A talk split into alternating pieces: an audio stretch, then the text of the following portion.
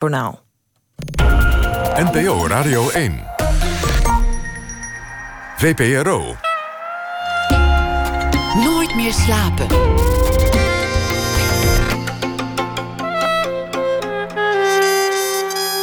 Met Pieter van der Wielen.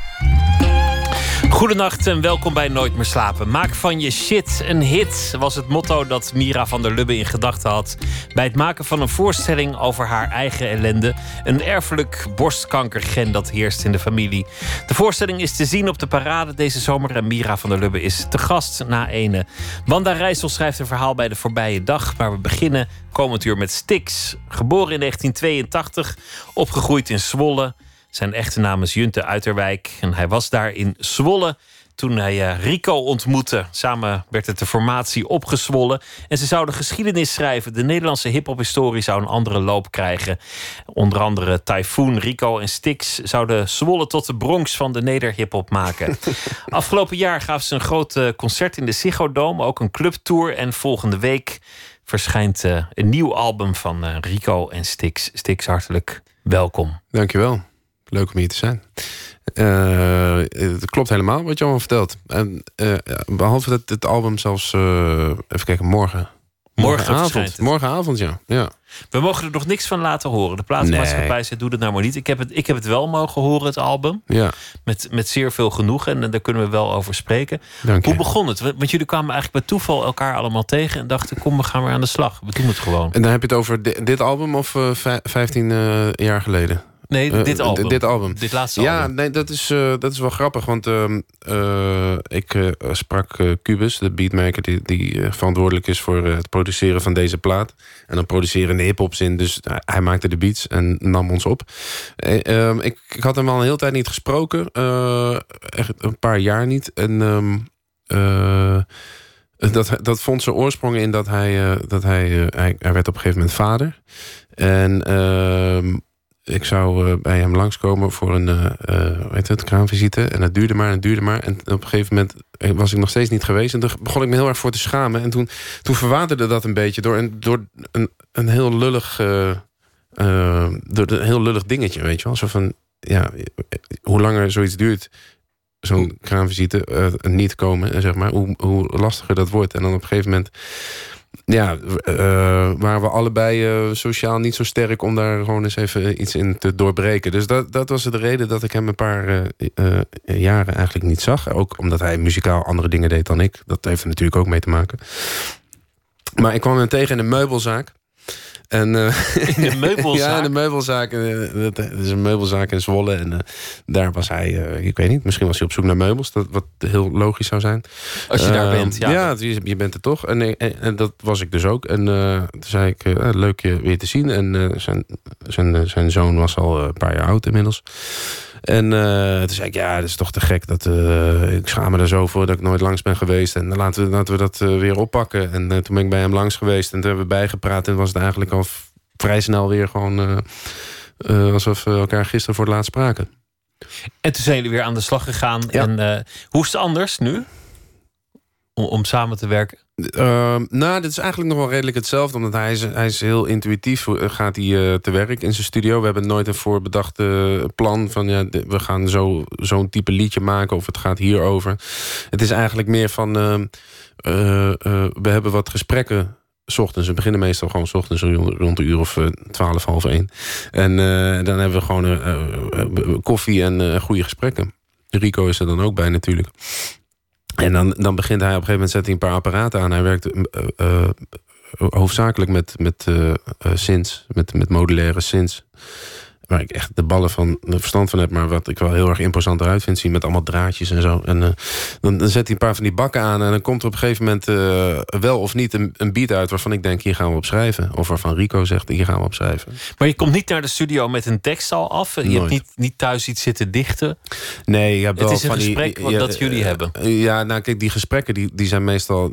Dat vind ik heel grappig om te merken, zeker met dit album. Die, die gesprekken die je dan eerst hebt ge- gevoerd... en dat kan over alles gaan, over, over ons kinderen... of over... eh, eh, ja, er- noem maar op. En, en, en, en meestal eh, hoor ik elementen terug in Rico en mijn teksten...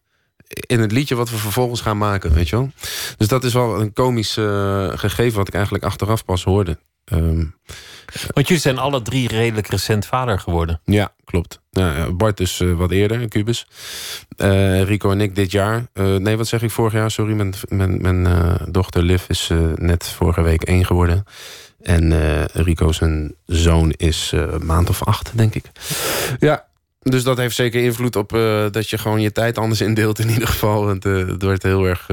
Kijk, vroeger, 10, 15 jaar geleden, zaten we gewoon in de studio. En als het een keer niks van kwam, dan ah, we doen het morgen alweer. Of we gaan vannacht verder, of wat dan ook. Ja, dat is er niet meer bij.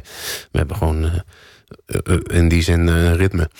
En meer concentratie. Het moet nu even gebeuren. Even ja, doorpakken. Dan. Ja, en dus we hadden gewoon echt de werkdagen. Dinsdag en donderdag. Afgelopen half jaar hebben we aan die plaat gewerkt. En uh, dat zorgde wel voor ook dat, het, dat ik echt elke...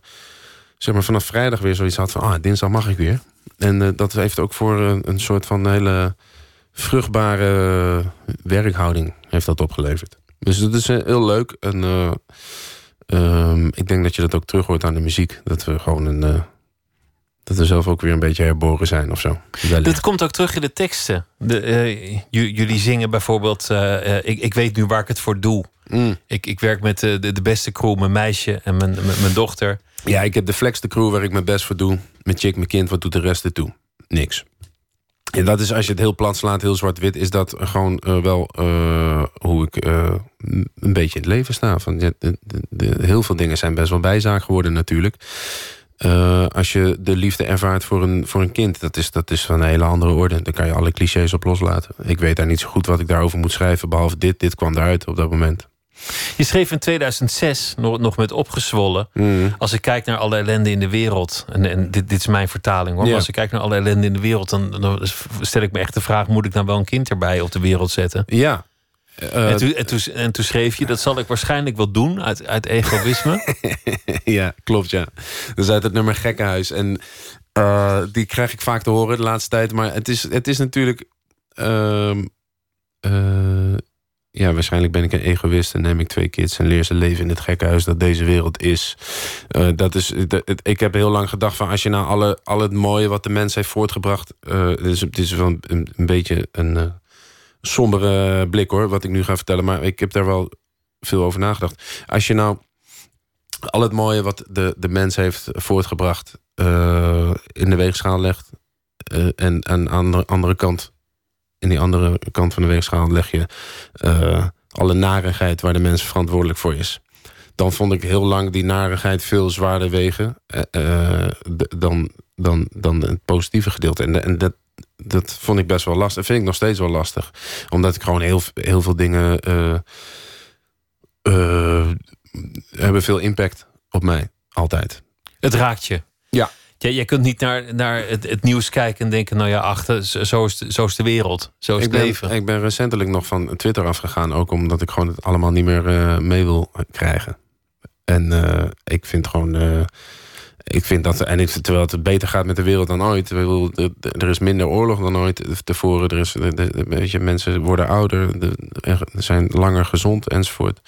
En natuurlijk is dat heel erg kort door de bocht. En kan je dat, weet je wel, zijn er allemaal haken en ogen aan deze uitspraak. Maar er is vooruitgang. Er is, is vooruitgang. Ja. ja. ik vind dat dan toch. maar misschien krijg je, je krijgt ook alles mee, hè, nowadays. Want alle nieuws komt wel op de een of andere manier tot je. Die vooruitgang is ook relatief natuurlijk. Ik bedoel, als morgen iemand iets verkeerd doet... waardoor er een kernoorlog uitbreekt... Dan, dan zullen we later niet zeggen wat een vooruitgang hadden die mensen. Nee. Kan in één klap ongedaan worden. Daar heb je helemaal, daar heb je helemaal gelijk in. Maar ik heb daar, ik heb daar zeker... En uh, vooral toen, toen die, die teksten. En het is ook de beat die je dan. Die, weet je, je, je, je hoort de muziek. En die muziek is heel stemmig, heel erg uh, in mineur. En, en dat, dat zorgt er ook voor dat dat soort gedachten de ruimte krijgen om uh, in, in rijmvorm eruit te komen, weet je wel. Maar je bent nu minder somber. Ja, zeker. De, de teksten zijn nog steeds begaan met de wereld, zonder, zonder enige twijfel. Maar je, je raakt een veel optimistischer noot op dit moment. Ja, daar heb je helemaal gelijk in. Ik denk dat je dat al kon horen op de Dazzled Sticks plaat met de Chit Bomhoff, waar we het net even voor de uitzending over hadden.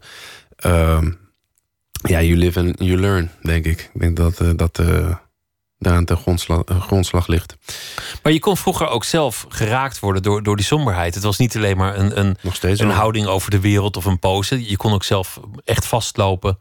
Ja, In zeker. somberheid. Ja, ja, ja. ja. En, eh, ik, eh, ik denk dat ik dat dan nog steeds wel heb. Maar weet je wat het is? Als je gewoon eh, kijkt naar eh, hoe eh, ontzettend onschuldig en eh, eh, puur liefdevol een kind is.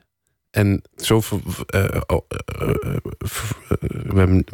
we, zijn net één geworden, Liv. En mijn dochter dus. En eh, we kregen van de week een hond eh, te logeren eh, thuis. En die is nu ook bij ons thuis. Als ik dan kijk hoe verwonderlijk ze op die hond afgaat. En dat allemaal, het is allemaal, er zit geen enkele spoor, geen spoor van kwaadwillendheid in. Dat slechte dat- van de wereld zie je niet in je eigen kind weerspiegeld. Eh, eh, nee, nooit. Nee, nee, nee, nee. Dus dat, is, eh, dat, dat vind ik gewoon, eh, dat biedt eh, heel veel hoop. Dat vind ik heel mooi om te zien. Ja. Hoe is je leven dan nu? Want, want tegelijk is het Top. natuurlijk ook, ook een, een angstaanjagend burgerlijk leven. Als je je afzondert van die wereld. Denkt van nou ja, oké, zet die tv maar uit. Ik ben, zo, ik ben zo blij hier binnen de muren van mijn huis. Ja, dat, eh, ik weet niet of dat, eh, dat nou weer het geval is. Maar ik heb wel gewoon op een gegeven moment bedacht... van wil, ik- wil ik constant geconfronteerd worden met alles van iedereen. En dat is, dat, dat is weer... Ik bedoel, dat vind ik een ander uiterste dan... ik zit tussen deze vier muren en ik doe alsof er niks aan de hand is. Want dat is zeker niet het geval. Maar ik, ik, ik wil gewoon niet constant alles maar weten. En Af en toe je ervoor afsluiten. Dat, dat lijkt me ook verstandig, omdat tegenwoordig de, de mogelijkheden om het niet te doen zo oneindig zijn. Je kan de hele dag op je smartphone. Precies, en wij zijn de generatie Kijken. die moeten leren ermee om te gaan. Hè? Dus we hebben gewoon ook niet, we hebben niet, eh, we hebben geen idee. We hebben geen flauw idee. Dus ik ben ook gewoon een beetje aan het uitvogelen wat werkt voor mij. En sommige dingen werken wel en sommige dingen niet. Kijk, ik had het ook bijvoorbeeld als je kijkt naar hoe iedereen foto's van hun kind, eh, of iedereen, of veel mensen hun, kind gewoon op Instagram eh, en dat soort eh, apps, gewoon allemaal die foto's van hun kinderen de hele, hele dag door knallen. Weet je, ik, ik doe dat bewust niet. Als ik iets met mijn kind post, dan is, het, dan is het onherkenbaar van achter of wat dan ook. Weet je wel, gewoon. zodat ik denk van ja, ik, ik heb nooit. Pardon. Ik heb nooit ak- eh, eh, aan haar eh, kunnen vragen van... eh, vind je dat oké? Als ik, weet je wel, zij kan niet akkoord geven.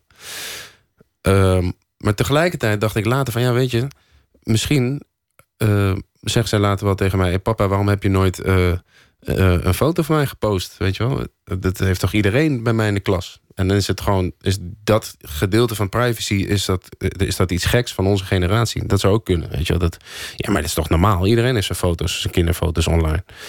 Dat vind ik best wel een angstaanjagende gedachte. Maar eh, het kan maar zo. Dat, dat zij in een, in, een, in een klas zit, in groep 8 over een aantal jaar. En dat zij zegt van ja, maar ik ben de enige die geen foto's online heeft. Dus wat is dat nou voor gek, gek gedoe?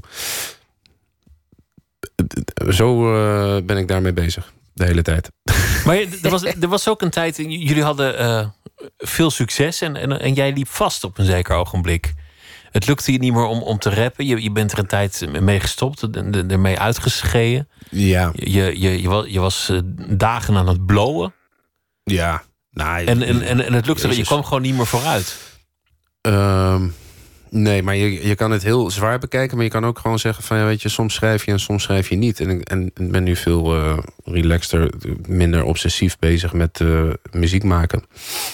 En dat helpt. Ja, Dat is goed. Ja, ja, ja, dat is goed. Dat, Maar in die zin heeft het, heeft het ook het, het introduceren van een groter belang in je leven in de vorm van een kind, heeft ook je, je leven richting gegeven.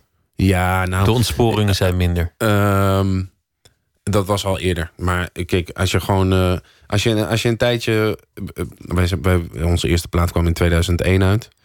Ehm, en zeg maar van 2001 tot en met 7 hadden we de formatie opgezwollen. En dat was gewoon eh, eh, op dat moment best wel eh, succesvol in de zin van de, de doelen die we bereikten, die hebben we kunnen bereiken. En we hadden uitverkochte zalen en de, de plaatverkoop ging goed en het was, een, het was aan. En dan ga je ook, eh, zeker in die tijd, ga je, weet je, ik, ben, ik was toen, eh, ik denk 20 tot 25. Ja, dat, is gewoon, dat zijn gewoon je wilde jaren. En dan weet je ook eigenlijk nog heel veel dingen niet. Je weet niks. Ik weet nu nog steeds niks, maar eh, toen helemaal niet. En dan ga je gewoon alleen maar partyen. En van heel veel partyen wordt, de, eh, eh, niet je, je blik zozeer eh, helderder. Meestal niet, nee. Nee. dus het was een hele leuke tijd, maar ik weet er niks meer van. Zeg maar, dus zo moet je het een beetje bekijken. En ehm, de- de- ja, op een gegeven moment ga je dan vastzitten. Want het, je moet wel groeien op de een of andere manier. Maar dat is ook een proces natuurlijk. Laten we luisteren naar eh, nou ja, oud werk. Eh, min of meer eh, noodgedwongen, maar ook met eh, plezier. De, de, de grootste hit van Opgezwollen, Hoedenplank, Ja, 2006. ja. Kan je het nog horen? Nou, ik luister het nooit, dus ik kan het prima horen. Weet je, ik luister onze muziek eigenlijk nooit. Maar dit, dit nummer spelen we altijd wel live. waaronder afgelopen zondag nog op Zwarte Cross. Dus ik ken hem vrij goed. En ik vind het prima. Op de, de platen luister ik nooit. Never. Gaan we nu doen. Oké.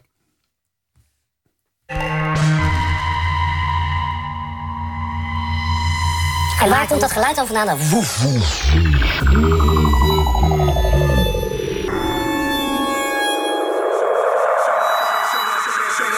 Ja, zowel hoe is het? Dames, troepers, alles goed als toevoer voor je woevers. Oefen de drie met muziek voor de toekomst. Zonder vermoeiende foefjes, bellen en toeters.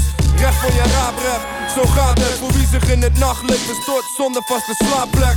Gewoon gaan, zo diep in de trance. Wakker van espresso's, geen wiener meer Hans. Met een weekendtas, knapzak of koffer. Op je pad lekker los, drank aan de badpoffers. De flow maakt van stereo slachtoffers. Een catastrofe, de bas klapt door je boksen. Zo gezegd is zo gedaan. En zo gerept is zo verstaan. Zo relaxed voor zijn grote naam. Opgezwollen ondergronds is niet verspied. Stickerie en DPD die ons van beats voorziet. Misschien is het even wennen, je stemming is uitgelaten. We blijven rappers wegzeppen, ruik je later. Onze naam zit op je lippen, maar dit is geen blitztags. We spitten alsof we moeten pissen van sixpacks. De muziek is niet voor ieder wat wil. Je hoort, ruikt, voelt, proeft en ziet het verschil. We brengen je dag, hoe dan ook, goed op gang. Ochtends vroeg na je werk, voer voor je hoedenplank.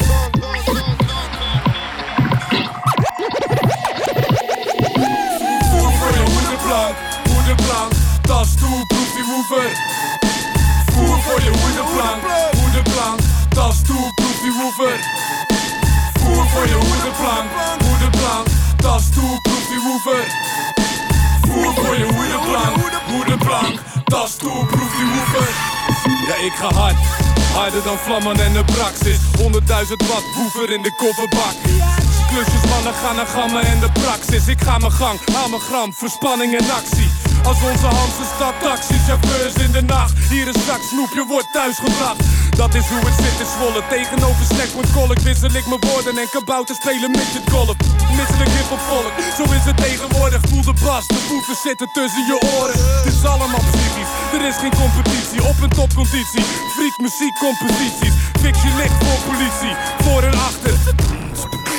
Voor de beats, kruidige pittig, rode peper en basilicum. Dus ga pieperen met je piepertje, zwiepertje, zwiepertje.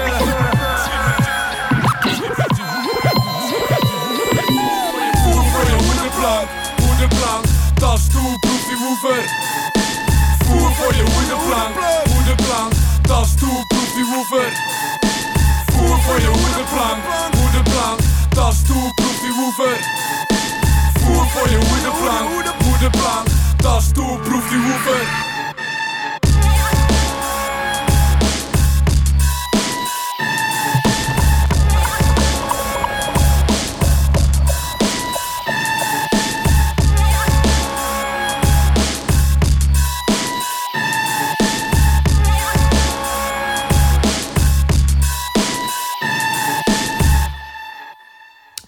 Uit een hele andere fase. Opgezwollen met eh hoedenplank. En eh, rapper Stix, die zit hier eh, tegenover mij. En we hadden het al over, over het latere werk dat, dat morgen uitkomt. Ja. Het meest recente album. En de, de drie mensen die dat hebben gemaakt. Die Rico en Stix en, en de producer Cubus, die zijn inmiddels allemaal vaders. En dat, dat vindt ook weer, is weer een hele andere tijd geworden. Laten we Ja. teruggaan helemaal naar het begin. Zwolle zonder dolle. Je bent opgegroeid Ja, eh, aan, 100%. aan de rand van Zwolle in een, eh, in, een- in, een- in een wijk met allemaal flats. Hoe was het daar? Ja, dat klopt helemaal. Ja, het is. eh ja, Holtebroek is een, is een multiculturele wijk. Is een wijk inderdaad, wat, zoals je zegt, met, vol met flatgebouwen waar, waar wel echt een soort grimy sfeer heerst. Vooral vroeger heerste daar gewoon een, een sfeer was wat...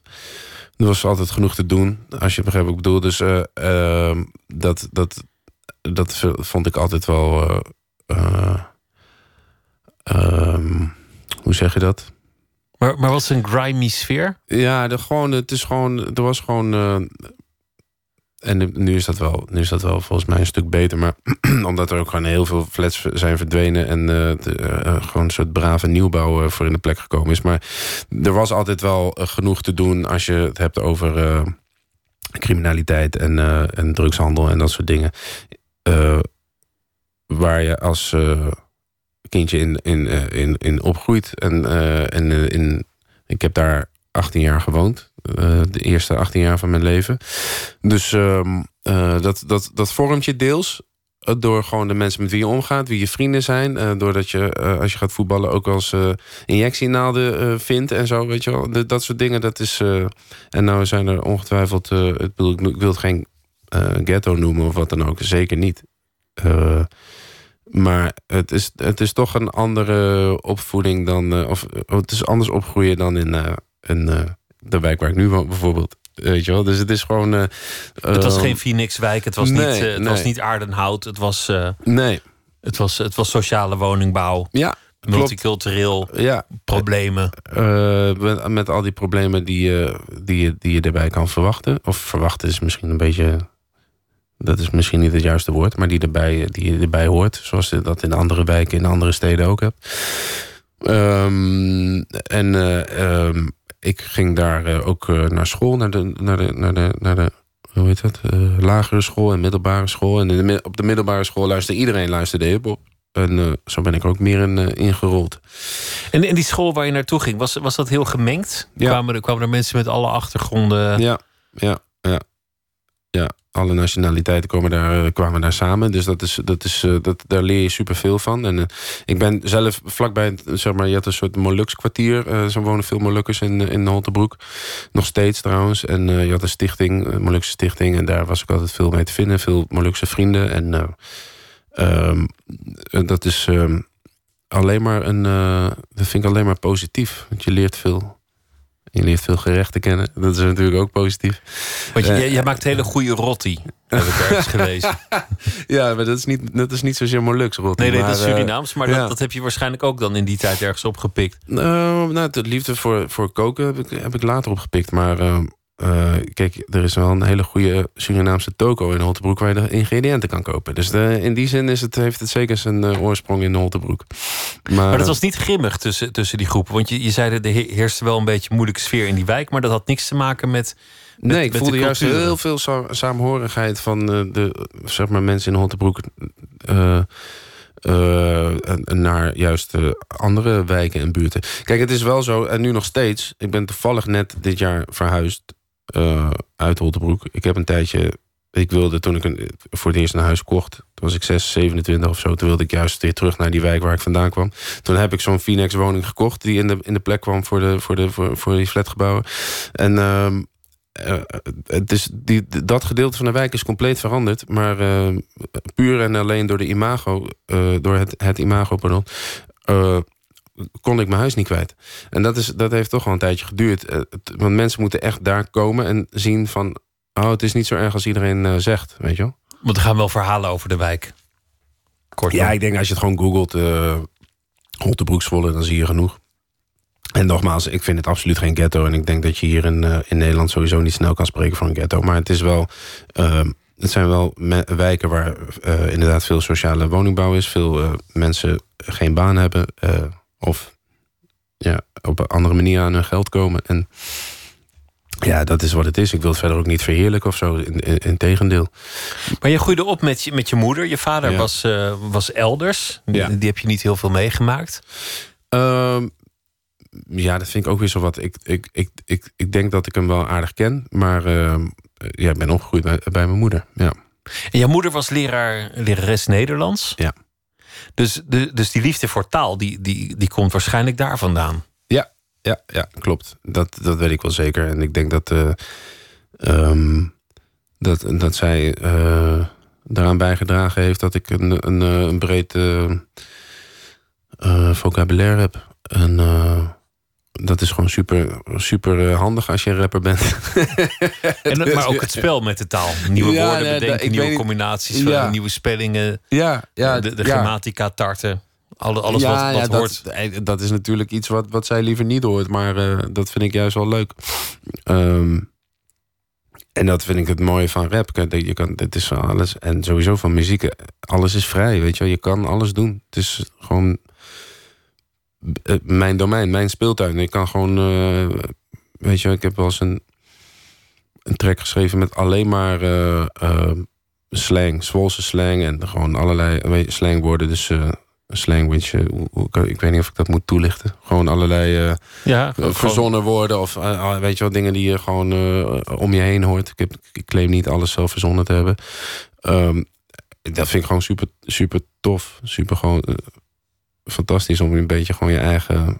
En ik vind het ook leuk als je het hoort dat je, als je niet uit Zwolle komt of wat dan ook, dat je gewoon niet alles in één keer meekrijgt. Het adds to the replay value. Weet je. je, je kan het blijven luisteren omdat je niet alles gelijk meekrijgt. Ik denk dat veel liedjes nu eh, kan je in één keer meezingen omdat de, de teksten vrij simpel zijn. Maar ik, ik denk dat je er dan ook weer sneller klaar mee bent. Omdat je gewoon, eh, omdat het geen geheimen kent. Ik vind het leuk als een liedje geheimen kent voor je, weet je. En dat je, als je een plaat opzet, ik dwaal heel erg af nu, maar goed. Als je een plaat opzet, dat je, dat je in de wereld van degene gezogen wordt. En in de gedachtenwereld van degene die de plaat gemaakt heeft. Dat je daarin meegetrokken wordt. Dat vind ik zelf altijd heel leuk om te horen. dat er een soort mysterie blijft. Dat je nog een keer moet luisteren. Dat je het niet helemaal kunt doorgronden. Eh, Dat, en maar ook de, de- precies dat, maar ook dat je gewoon eh, eh, het deel uitmaakt van, de, van die wereld. Weet je wel? Ik vond het, dat vond ik ook het aansprekende van rap. Als je gewoon een paar rapplaten hoort, weet je zeker die eerste paar platen die, eh, die, waar ik mee in aanraking kwam, die, hadden zo, die ademden zo'n sfeer uit. Bijvoorbeeld, eh, eh, de, je hoorde gewoon Brooklyn in de platen van Gangstar en J. The Damager. Weet je, dat, je hoorde gewoon. Je hoorde gewoon die wijk of zo. Ik was daar nooit geweest, maar ik hoorde gewoon die sfeer en ik voelde dat echt. Weet je, Je wist hoe het er rook, bij wijze van spreken. Eh, ja, exact. exact. Eh, eh, dat, dat vind ik. En, maar dat heb ik net zo met een War on Drugs of een Nick Cave als bij, met, een, met, een, met, een, met een Mob Deep of, of, of, andere hip-hop. Weet je wel. Dus dat is, dat, vind ik, dat is een kwaliteit die ik echt waardeer in muziek. En ik hoop dat als mensen onze plaat opzetten, dat ze ook horen van oké. dit, is de, dit is de wereld van die gasten, weet je wel. Want je, je hebt ook eh, jazz geluisterd. Ja, nog steeds. Luister, Want- ik want- luister over het algemeen, sorry dat ik je gelijk weer onderbreek, maar ik luister over het algemeen eh, muziek die ik goed vind. En de- voor de rest zijn er geen hokjes. Nee, maar je, je, had, een, je had een album gemaakt, um, Microphone Colossus. Ja. vernoemd naar Sonny Rollins, Saxophone Colossus. klopt. En, en er was ook een soort gelijkenis, want waar, waar Sonny Rollins in en uitademde in die saxofoon om maar door te gaan en door te gaan, Ja. deden jullie datzelfde, maar dan met tekst. Gewoon in een, in een soort stroom ja, door blijven gaan. ja, klopt. Geen, geen, geen pauze, geen, geen lucht. Nee, er zijn, eh, we hadden gewoon hele nummers zonder refreintjes en zo. Het ging echt gewoon puur om een toffe beat en een toffe tekst. De, eh, en dat is, dat is onze kick. En dat is eigenlijk is, dat, is het dan nog steeds. Eh, ik denk niet dat wij de, de, de, de, hoek, eh, de, de hoek schrijven, weet je, de refreintjes schrijven zoals een, eh, als een Ronnie Flex dat kan. Weet je. En eh, ik vind dat altijd heel erg knap. Hoe iemand dat heel erg op een goede manier kan neerzetten. Maar het is niet waar onze kwaliteiten zozeer liggen. Hoe begon, hoe begon het dat, je, dat je raps ging schrijven? Want je zei het was heel belangrijk op school. Daar, daar was hip-hop alles overheersend. Ja. Weet je nog wel het moment was dat je dacht: ik, ik kan het misschien zelf? Of dat je, dat je zelf eens wat ging. Ja, ging- dat, ging eh, dat, heeft veel, zeggen. ja, dat heeft veel te maken met Extins. Weet je, Extins... eh, je had, eh, je had gewoon een paar hiphoppers, of gewoon rappers in Nederland. En dan had je, je had de Jackshoek van Saskia Sleger. Slegers, Sleger. Weet ik niet uit mijn hoofd. Maar daar zat Osdor Possen en die hele, weet je, die hadden een hele groep om, van rappers om zich heen. Oude Kerk Kaffers en weet ik veel hoe ze allemaal heten. Maar dat was, dat was een hele groep. En dat vond ik wel tof, maar ehm, toen kwam Extins. En ja, eerlijk is eerlijk, die was gewoon voor mij de eerste die in Nederland liet, in Nederlands liet horen van oké, zo moet je rappen. Weet je wel, dit klinkt gewoon echt, echt goed. in het Nederlands. Want daarvoor deed je Ja. het in het Engels misschien. Nou, nee, ik was, ik was wel gelijk. Dat komt dan weer door mijn moeder, maar ik was wel gelijk van de Nederlandse, Nederlandstalig. Ja. Rico, die maat van, van opgezwollen, zeg maar, die, eh, die, eh, die, die, die deed veel Engelstalig. Waardoor ik ook wel eens met hem dat meedeed. Maar Nederlandstalig is altijd wel de drijfveer geweest. En wat, wat rapte je dan in het begin? Waar, waar ging dat over? Ja, nergens over. Maar, ik, maar ik weet, je, weet je nog iets? Is er nog, nog een, zin waar je trots op bent... die, die nooit de plaat heeft gehaald van vroeger? Uh, nee. nee, dat weet ik echt niet meer. Maar ik was ook echt 14, 15 of zo toen ik begon. Dus uh, dat, dat weet ik echt niet meer. Nee. Ik weet niet eens meer de teksten van albums die uit zijn. Laat staan van uh, dingen die nooit uitgekomen zijn. Het lijkt me trouwens een ramp als je in een flat woont. En je, en je, en je gaat je richten op rapmuziek. Want moet, je, moet, je, moet je mijn buurman vragen. Die, die werd helemaal gek van mij. Dat is een goede vriend van mij inmiddels. Dat is een kunstenaar uit Zwolle, Marie Boer. En uh, die, uh, hij heeft, als ik hem spreek, dat, hij mag graag memoreren aan het feit dat, dat ik altijd over de hele galerij te horen was. met de beats en de teksten en zo. Maar is dat waar je heen wilde trouwens? Want ik ging alweer dwars door je heen, sorry. Nee, maar dat is exact mijn vraag. Want je hebt buren boven, onder, links, rechts, achter. En, en, en, uh, en hip-hop moet je nou eenmaal, eenmaal op hoog volume draaien, anders werkt het niet. Nee, precies. Ja, nou, dat vond ik dus ook. Ik, was ik ben het helemaal met je eens, maar ik denk dat de buren het niet zo met, met, eh, met je eens zijn. Maar, nou, hij, hij, heeft daar, maar hij zegt dan altijd wel van, het was in ieder geval niet voor, niet voor niets. Weet je wel? Dat je altijd maar met die teksten bezig was en zo. Maar hij kan daar geur en kleur over vertellen. Dat hij er wel gek van mij werd. En hij woonde niet naast mij. Er zat nog een huis tussen. Uh, ik denk dat hij, uh, zeg maar, ik woonde op nummer 81 en hij woonde op 87. Dus er zaten twee huizen tussen. Die helemaal gek moeten zijn geworden. Ja, ja toch waren ze altijd wel heel erg uh, coulant daarin. Snoop Dogg was belangrijk voor je? Ja, 100 procent. Ja. En waarom, waarom was hij zo'n zo'n held? Wat was daar goed, zo goed aan? Hij was sowieso op het moment dat ik echt in hip-hop echt diep erin ging. Weet je, was hij, uh, uh, kwam hij net met zijn debuutplaat. Maar wat ik heel knap vind aan hem, en dat vind ik eigenlijk nog steeds, ik vind hem nog steeds fantastisch. Hij heeft ook net een nieuw album uit uh, vorige maand of twee maanden terug. Is dat hij gewoon simpel rappen ehm, beheerst. En hij is, kijk, het is, het is. Rappen is tot op zekere hoogte een techniek die iedereen kan leren. Weet je, als je tot vier kan tellen, dan kan je een vierkwart maat pakken en dan kan je rappen.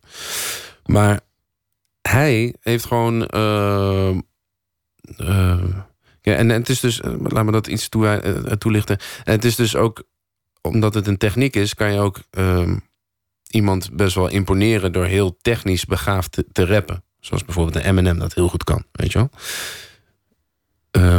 maar het simpel houden van je tekst en daarmee toch de luisteraar boeien, is veel moeilijker. Weet je, Cruijff zei over voetbal, uh, uh, voetbal is simpel, maar simpel voetbal is het moeilijkste wat er is. En zo is het ook met rappen, want als jij uh, gewoon rapt, one, two, three, into the foe, Snoop Doggy Dogg en Dr. Dre is at your dough. Ready to make an entrance, so back on up. En hij zegt gewoon 1, 2, 3 en 4. Stix is hier, weet je wel. Dat zegt hij. 1, 2, 3 en naar de 4.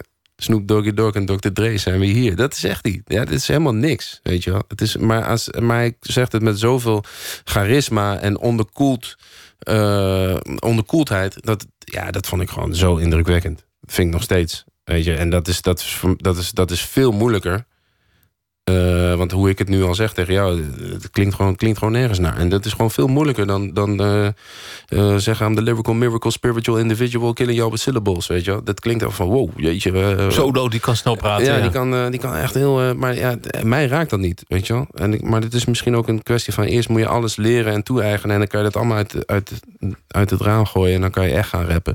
Maar hij had het al vanaf het begin, het zit gewoon in hem. Laten we luisteren naar uh, Dr. Dre met Snoop Dogg, Nothing But a G-Thing. Yes, yes.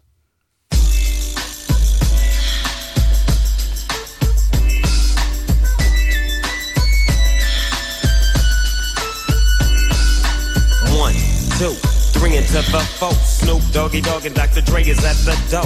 Ready to make an entrance, so back on up. Cause you know we're about to rip shit up. Give me the microphone first so I can bust like a bubble. Compton and Long Beach together, now you know you in trouble. Ain't nothing but a G thing, baby. Too low death niggas, so we're crazy. Death Row is the label that pays me. Unfadable, so please don't try to fake this. But uh, back to the lecture at hand. Perfection is perfected, so I'ma let them understand from a young G's perspective. And before me dig a bitch, I have to find a contraceptive. You never know, she could be earning her man and learning her man. And at the same time, burning her man. Now you know I ain't with that shit, Lieutenant. Ain't no pussy good enough to get burned while I'm offended. Yeah.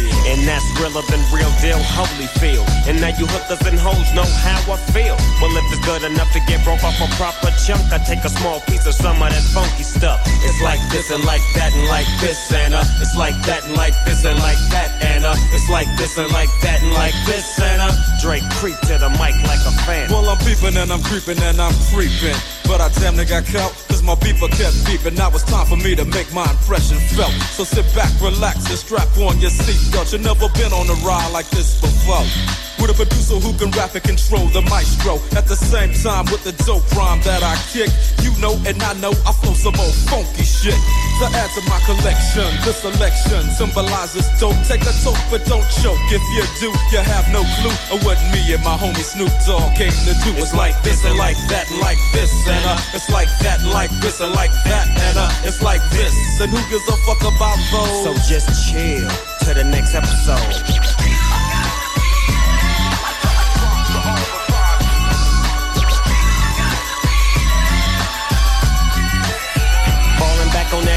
What a hellified gangster lean. Getting funky on the mic like an old batch of collard greens. It's the capital S O yes, I'm fresh and double O P D O double G Y D O double G. You see, showing much flex when it's time to wreck a mic. Pimping hoes and clocking a grip like my name was Dolomite.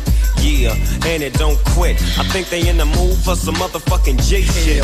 So Dre, What up, dog? gotta give 'em what they want. What's that, G? We gotta break 'em off something. Hell yeah. And it's gotta be bumpin'. City of Compton. It's where it takes place, so when that show attention. Mobbing like a motherfucker, but I ain't lynching. Dropping the funky shit that's making the sucker niggas mumble. When I'm on the mic, it's like a cookie, they all crumble. Try to get close, and your ass will get smacked. My motherfucking homie, doggy dog, has got my back. Never let me slip, cause if I slip, then I'm slipping. But if I got my Nina, then you know I'm straight tripping. And I'ma continue to put the rap down, put the Mac down. And if your bitches talk shit, I have to put the smack down. Yeah, and you don't stop. I told you I'm just like a clock when I tick I talk. But I'm never off, always on till the break of dawn. See you when PTO in in the city they call Long Beach. Putting the shit together like my nigga DOC. No one can do it better like this, that, and this, and uh. It's like that, and like this, and like that, and uh. It's like this. Then who gives a fuck about those? So just chill till the next episode.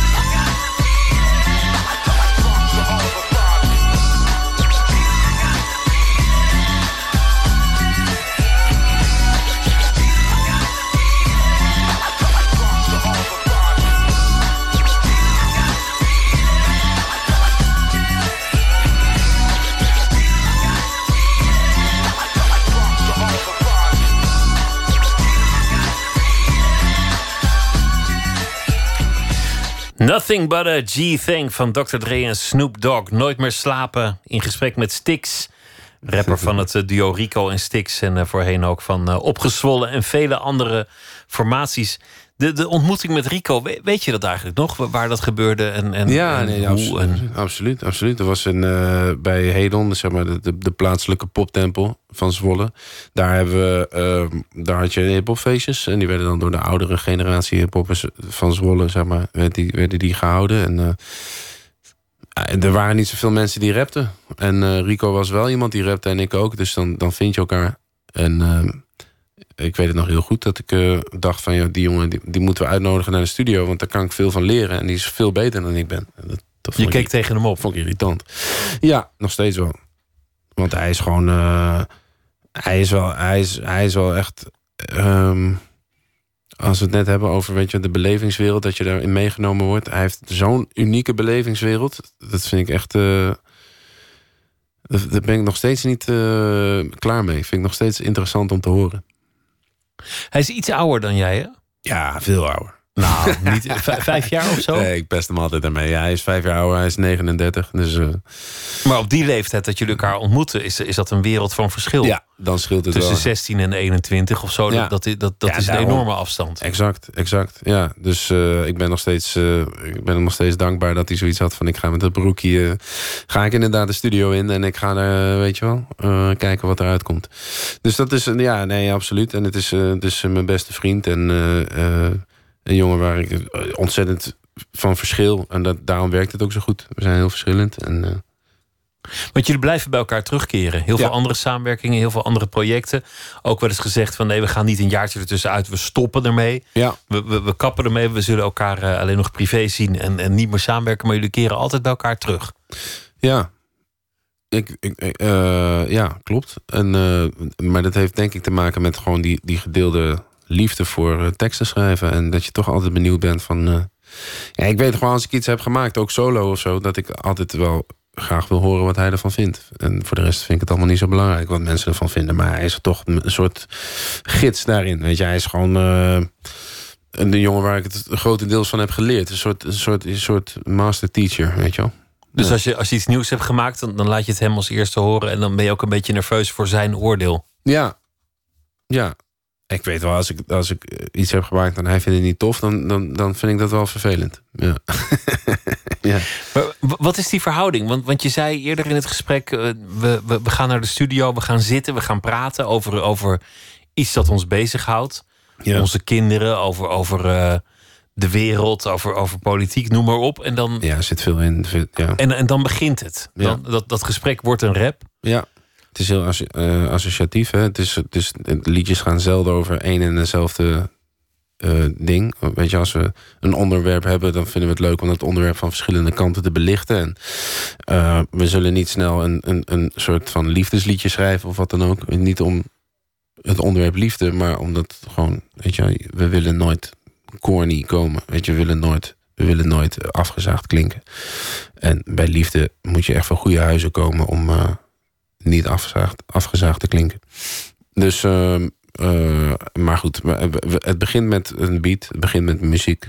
Cubus maakt iets, of AHT, andere producers uit Zwolle waar we eigenlijk altijd mee werken. Zij maken iets waarvan wij zeggen: hey, hier kunnen we ons, eh, eh, hier kunnen we op losgaan. En ja, dan gaan we schrijven. En dat is 9 van de 10 keer gewoon beginnen we. En dan over na een half uur zeg ik, waar schrijf jij over?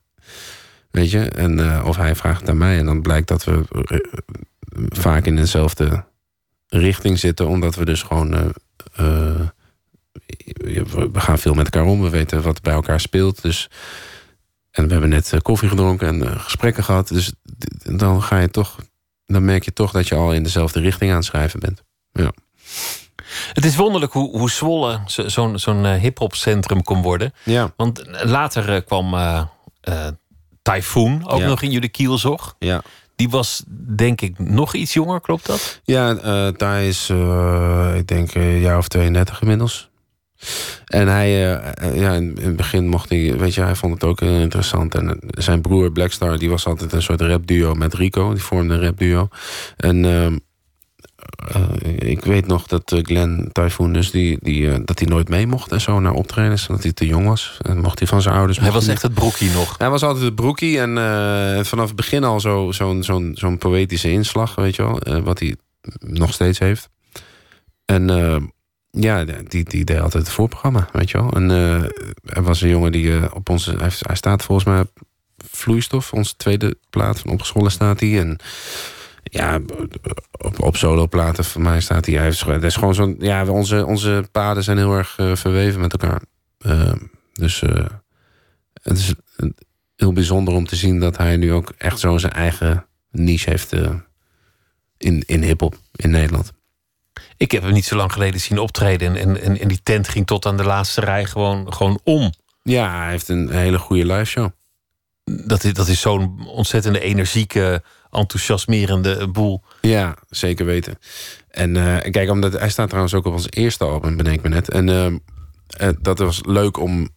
Vorig jaar in 2016 hadden we een soort van 15-jarig eh, jubileum, weet je wel. En hij dus ook. Want hij stond er was er ook al bij. En dan dacht ik me ook van ja, die jongen is inmiddels ook al gewoon super lang bezig. Vind je niet wonderlijk dat, dat, het dan, dat het dan uit Zwolle...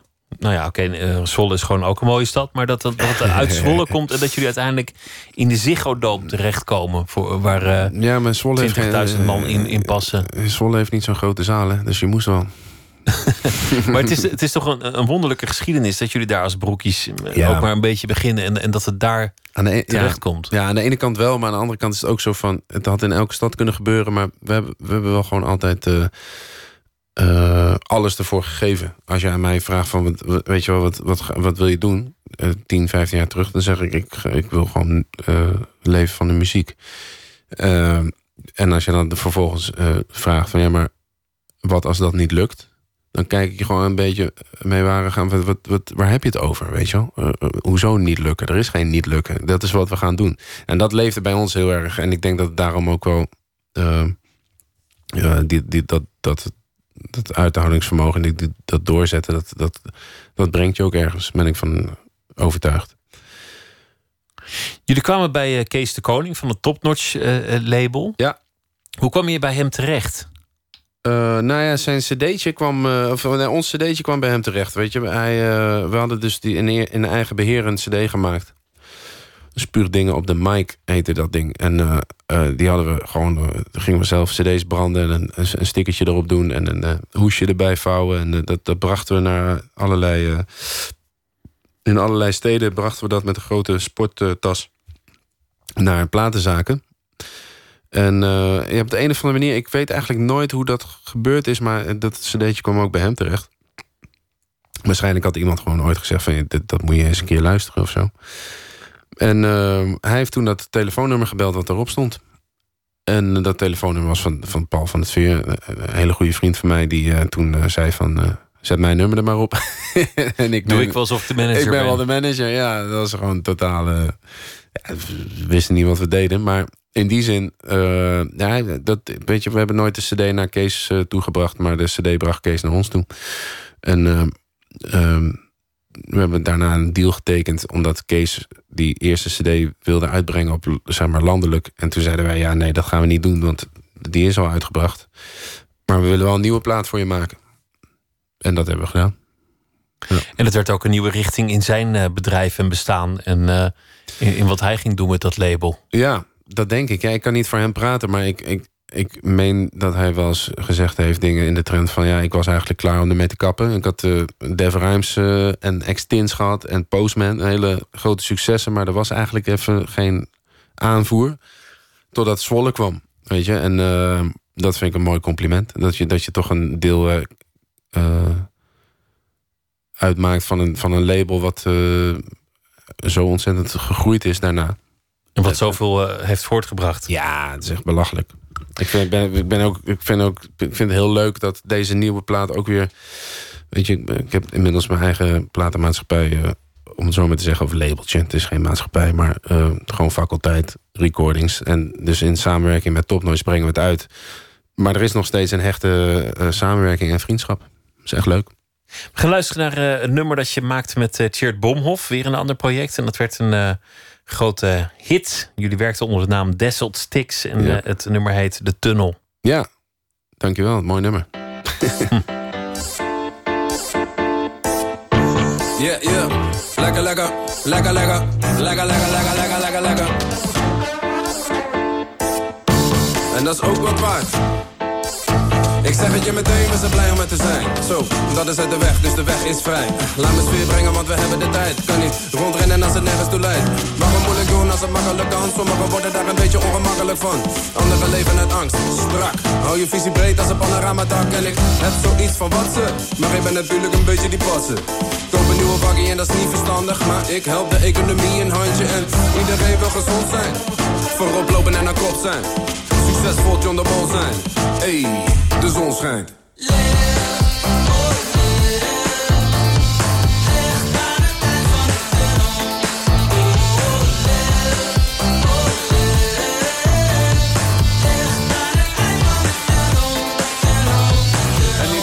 je suis Charlie.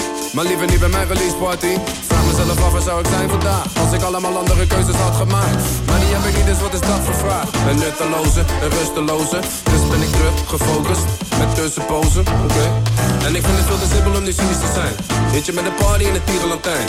Hitje als de hamer van toren, ga er vandoor. Dus mij treft alle braamten en vallen. En iedereen wil gezond zijn. Sympathiek, creatief, overvol zijn. De party en de mol zijn. Hey, de zon schijnt.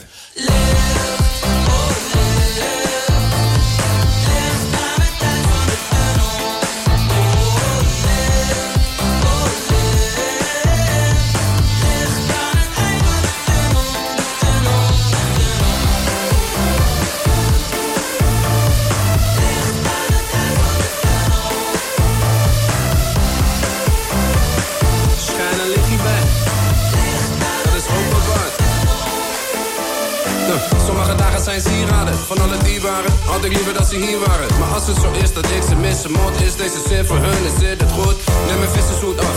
In alle toestand schijnt het licht aan het eind van de tunnel. Al lijkt het soms dubbel. De vraag is, hoe ga jij om met je struggles? En iedereen wil gezond zijn.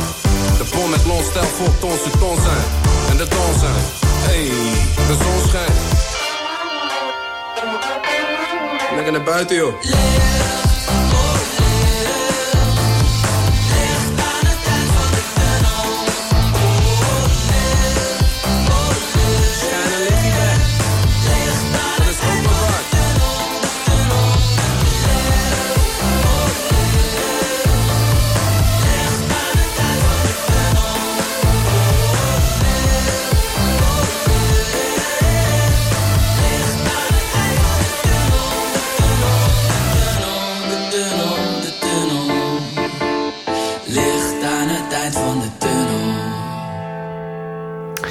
Desselt Stix met uh, de tunnel. En uh, Stix zit hier uh, tegenover me.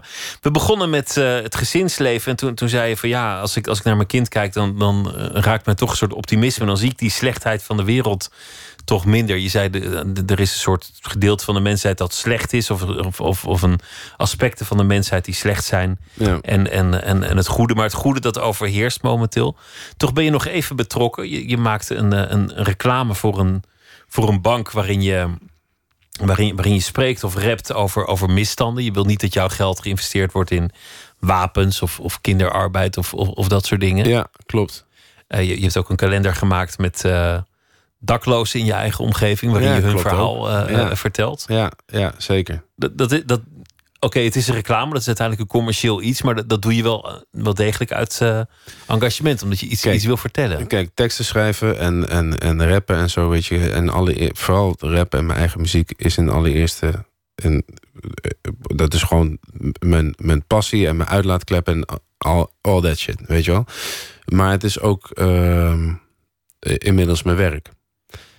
Eh, ik wil heel graag me verder ontwikkelen in, in het schrijven van teksten en, en eh, kijken eh, wat ik kan doen om mezelf te ontwikkelen. Ehm, toen kwam dat ASR, oh, dat mag ik natuurlijk niet noemen. Wel. Ja, kwam, ASR kwam, die, dat, dat, die verzekeringsmaatschappij kwam op mijn pad. En toen dacht ik, ja, dan moet ik eens even goed nadenken wat ik hiervan vind. En op het moment dat ik iets voel erbij. Dus dat- gaat dus, dat gaat dus even het voorbij het denken, maar eh, je moet er iets, iets bij voelen.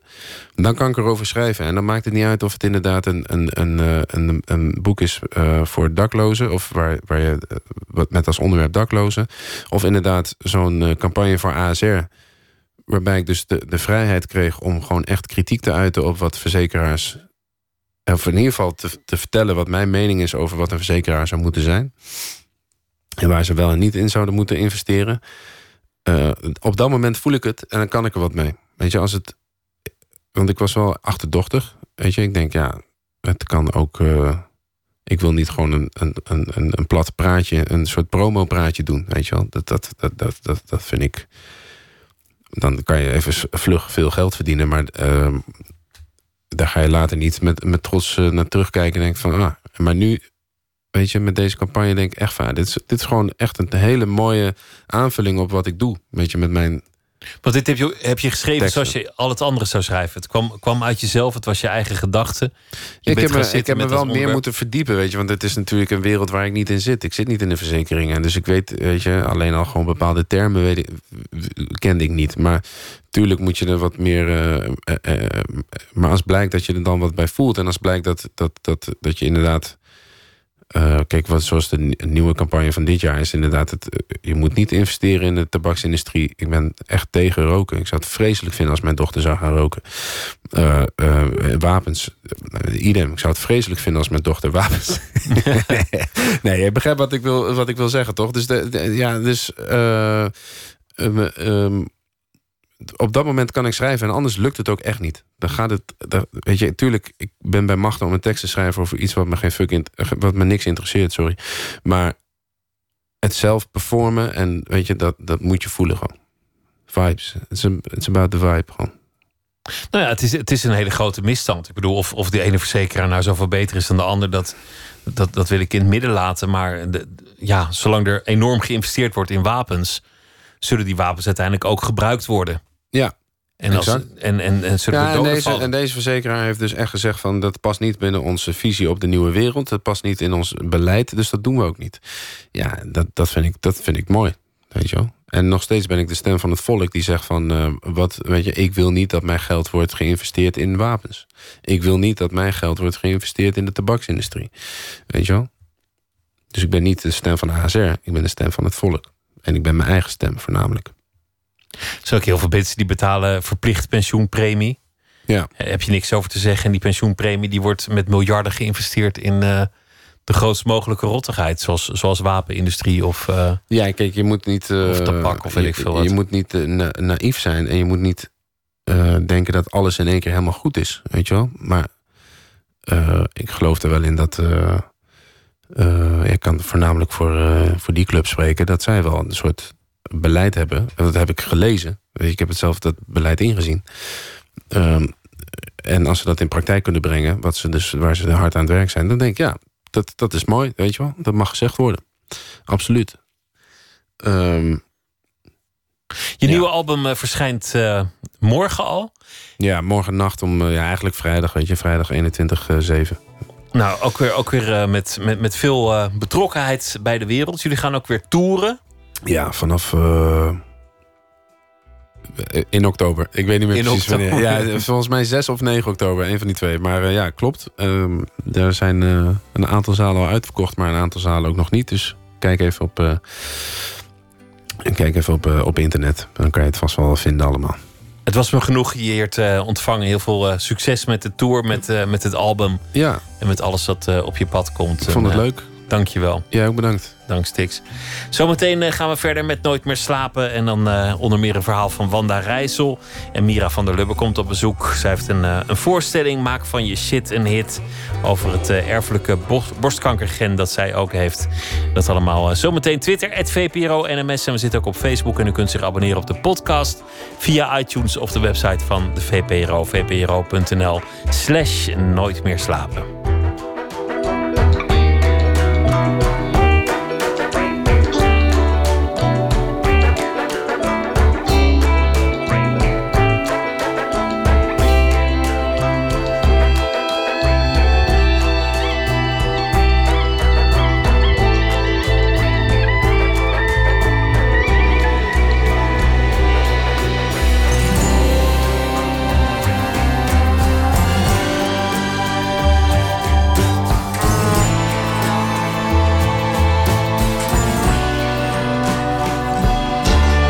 Radio 1. Het nieuws van alle kanten.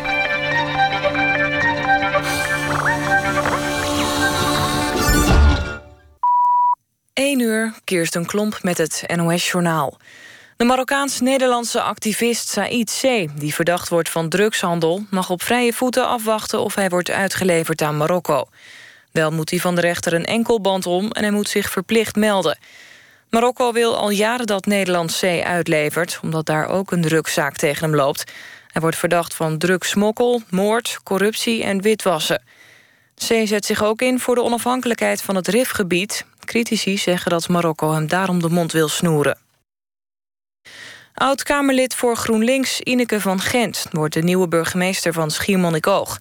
Van Gent zat 14 jaar in de Tweede Kamer. In 2013 werd ze regiodirecteur van de NS.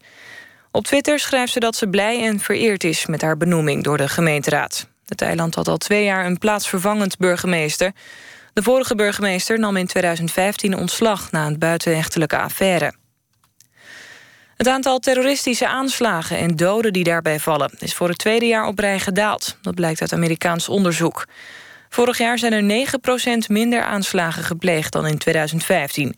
Het aantal doden daalde met 13% ten opzichte van het jaar ervoor. Er vielen vooral minder doden in Afghanistan, Syrië, Nigeria, Pakistan en Jemen. In totaal kwamen er vorig jaar ruim 25.000 mensen om. Het KNMI heeft code oranje voor de provincie Zeeland en Noord-Brabant ingetrokken. De waarschuwing gold voor extreem weer, maar voor zover bekend is er weinig gebeurd. Voor heel Nederland is nog wel code geel van kracht vanwege onweersbuien. Daarbij is kans op hagel, windstoten en veel regen in korte tijd. In de loop van de nacht trekken de buien weg naar het noordoosten. Het weer. Vanuit het zuiden trekken dus nog enkele onweersbuien over. Verder blijft het met ongeveer 19 graden vochtig warm. Morgen overdag eerst grijs met enkele buien. Later af en toe zon en droog bij een graad of 23. Dit was het NOS Journaal. NPO Radio 1. VPRO. Nooit meer slapen.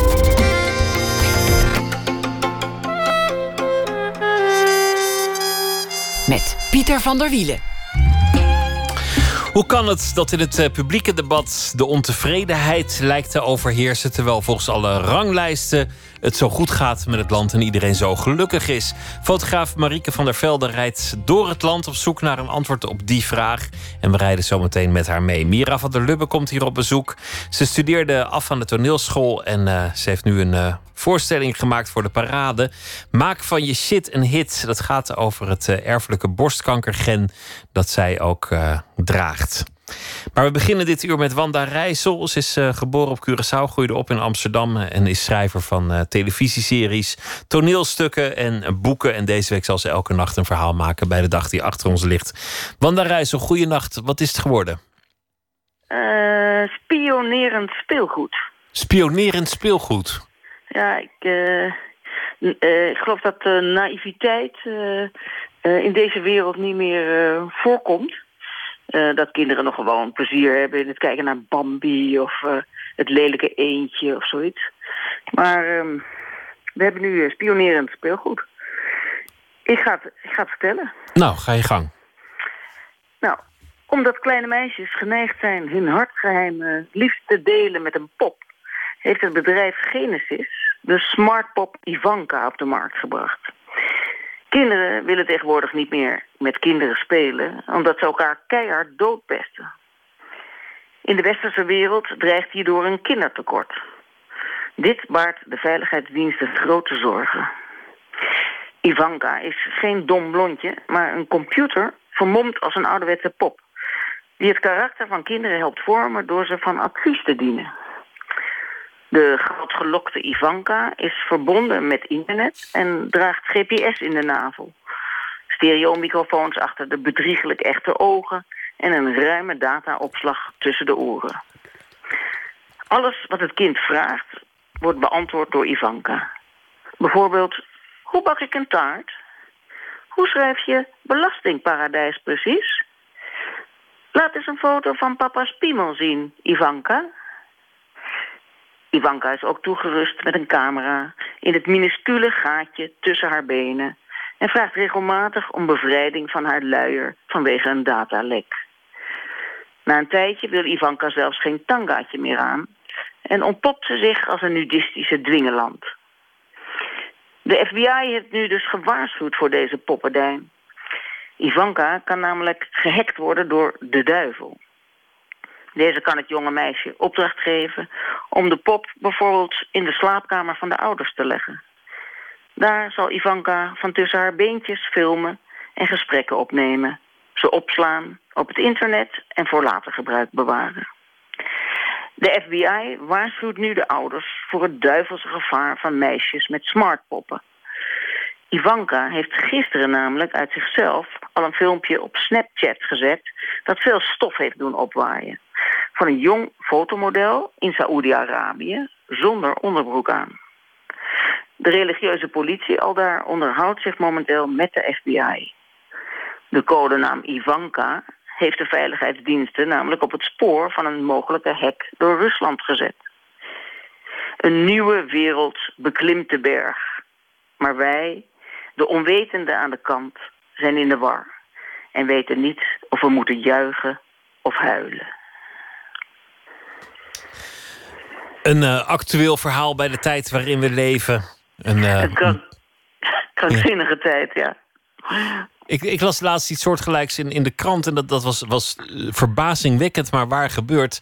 Dat was seksspeelgoed dat ook op het internet was aangesloten. En dat alle masturbatiedata van de consumenten online had gezet.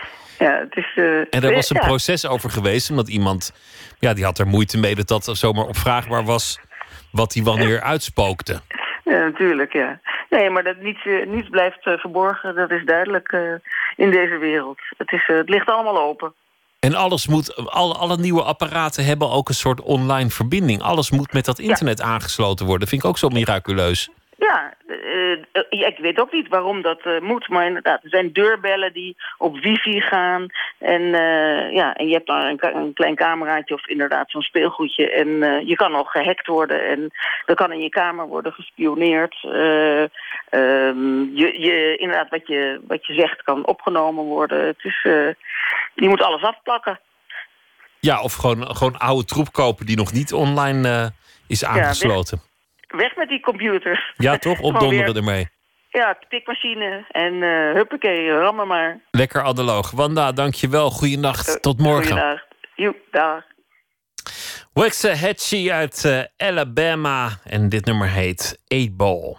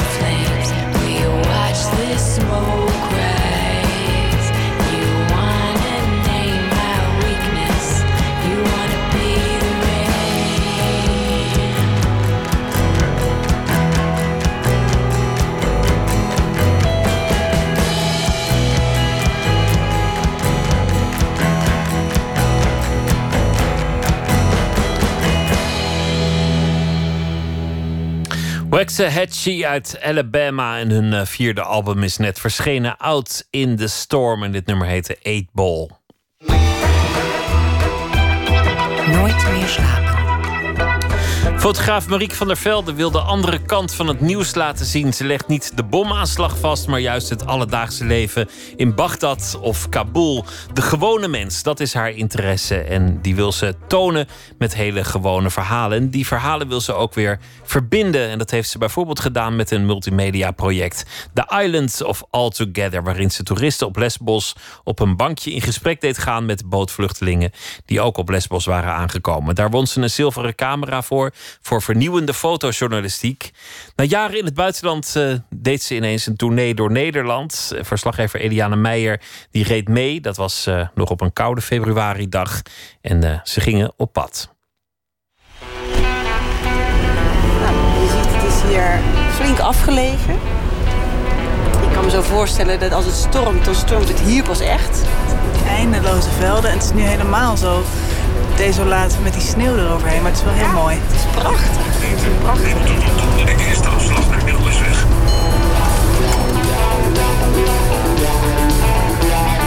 Dit is voor de misfits die her en der alleen ziet staan.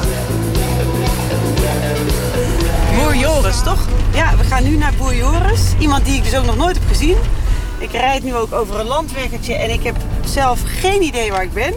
Alleen mijn tomtom weet het nog.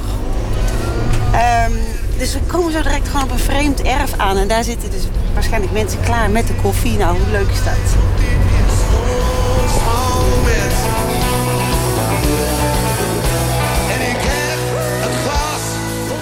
Fotograaf Marieke van der Velde vindt dat de tijd gekomen is. Ze werkte jaren in het buitenland, in gebieden waaruit vooral verhalen over oorlog en ellende ons bereiken. Maar nu richt ze de camera op haar eigen Nederland. Want terwijl zij zich door al die reizen steeds meer thuis voelde komen in dit zo geolied lopende land, schijnt er een groeiend aantal mensen te zijn dat juist vindt dat er van alles mis aan het gaan is. Ja, de ochtend dat Trump er werd gekozen, toen dacht ik echt van... oké, het lijkt alsof ik hier iets echt niet begrijp. Eh, het begon natuurlijk al met de brexit, toen met Trump. Nou, we hebben natuurlijk onze eigen eh, Wilders... die eh, op de een manier ook totaal voet aan de grond krijgt. Dus ik, ik begon echt te denken van... ik moet gewoon echt met mensen door heel Nederland praten... om te kijken hoe zij dat nou zien. En, en, en als die onvrede er dan is... want dat is wat ik elke dag hoor in de media... is onvrede, is onvrede. Als die dan zo groot is, wat, wat is er dan aan de hand? En wat zou je er zelf aan willen doen?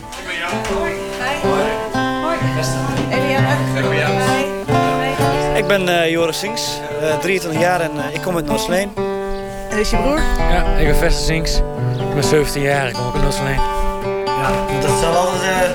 eh, je kunt de mens uit Noordsleen weghalen, maar je kunt Noordsleen nooit uit de mens weghalen. Ineke uit Urk, Annie uit Amsterdam, Halda uit Hem, Henk uit Hengelo, Guus uit Roermond. Marieke van der Velde is de afgelopen maanden bij 22 willekeurige Nederlanders op de koffie gegaan, in elke provincie wel één, om te vragen hoe het er volgens hen met Nederland voor staat. Op de boerderij van vader en zoon Sinks in het Drentse Noordsleen gaat het al gauw over stereotyperingen. Wij zijn geen, eh, wij zijn geen uitbuiters. Wij werken hard voor, eh, voor onze dieren. En het is mij vroeger al geleerd dat als jij geld wil verdienen, dan moet je geen boer worden. Want dat doe je gewoon puur uit liefde voor het vak. Maar is het dan zo, hoe, hoe kun je dan die kloof kleiner maken... tussen mensen in de stad en de boeren? Nou ja, ik denk dat heel veel boeren er tegenwoordig wel aan toe zijn om een keer wat mensen op hun bedrijf te laten komen. Om ze gewoon te laten zien hoe het gaat. Want iedereen heeft last van een slecht imago. Nou, ik, ik vond bijvoorbeeld Boer Joris vond ik wel een hele interessante ontmoeting. was een jonge jongen. Ehm, maar ik vond het ook interessant dat hij zei van... eh, ja, ik zou bijvoorbeeld ook wel een keertje naar de Schilderswijk willen... om daar met Marokkaanse jongeren te spreken van mijn leeftijd. Want wij als boeren worden ook gestigmatiseerd. En eh, we hebben ook een slecht imago. En eh, dus misschien begrijpen we elkaar ook wel... eh, dat we ons daar niet zo goed bij voelen. Hij is nu aan het spoelen. Wat is dit? Dit is de melkrobot. Dit is de Terwijl Joris met Marieke verder praat, ga ik met de 17-jarige Vester, zijn broer, hun koeien bekijken. Ja, die worden hier gemolken. Ik zie ze erachter liggen, met z'n allen. En staan. En wat vind je van het project van Marieke? Dat ze heel Nederland doorgaat om mensen gewoon te spreken op, bij, bij een koffietje. Ja, ik vind het ook goede zaken, want mensen weten te weinig, denk ik. Ja, ik Van elkaar. Ja, en ook gewoon van, van verschillende nou, dingen in de maatschappij. Ik bedoel, ik heb ook wel eens bij, bij, bij ouders van vrienden en die hebben ook geen flow idee hoe het hier werkt. En die wonen dan ook nog wel hier in de buurt. En eh, ja, dat vind ik dan wel bijzonder. Ik had laatst een Nederlands een opdracht. Dat moesten we ehm, het, een beetje het lezen en dan een heel opdracht moesten betrouwbaarheid moesten we weten. En dat vind ik wel een van de, van de beste opdrachten die veel meer mogen doen. Want ik hoor ook zo vaak mensen naar me toe komen en die komen dan met, met dingen aanzetten waar ik denk van dat is een grote leugen. gewoon, dat is gewoon nepnieuws eigenlijk, waar ze het ook nu veel over hebben. En vind je dan wat Marike doet, ehm, gaat dat dan meer over waarheid? In, in, in- kijk je, krijg je een wel. betere kijk op, op, op mensen op deze manier? Ja, dat, dat denk ik wel. Gewoon koffie drinken. Ja, Vertellen. gewoon weten hoe, het- hoe het echt gaat. En niet eh, op Facebook kijken en er komt iets voorbij. Maar gewoon eh meer erop afgaan en eh, gewoon... En daar misschien ook een uitzending over maken of zoiets. Maar ja, ik bedoel, hoe, die mensen die natuurlijk weer... Nu zitten daar natuurlijk en die denken ook van... Ja, is dit echt waar? Of is het ook weer een... eh, ja, hoe je, dat, hoe je dat moet doen, dat, eh, dat weet ik ook niet. I did not blow up any buildings. I did not wage no phony wars. I did not ask for admiration or drew attention to my words. Zie mij. Zie mij zoals ik echt ben. Dat hoorde Marieke van der Velde keer op keer als ze de vraag stelde: wat heb jij nodig van de maatschappij? In tijden van snel nepnieuws op Facebook en zoals Marieke ze noemt schreeuwers die een grote gelijk lopen te verkondigen, blijkt die primaire behoefte van mensen rap ondergesneeuwd te worden. Ik hoor zo vaak dat mensen iets proberen te zeggen in een groep... en de rest rolt eroverheen en iedereen is zijn eigen verhaal aan het vertellen... en een hele hoop drukte. Er wordt heel weinig geluisterd. By one,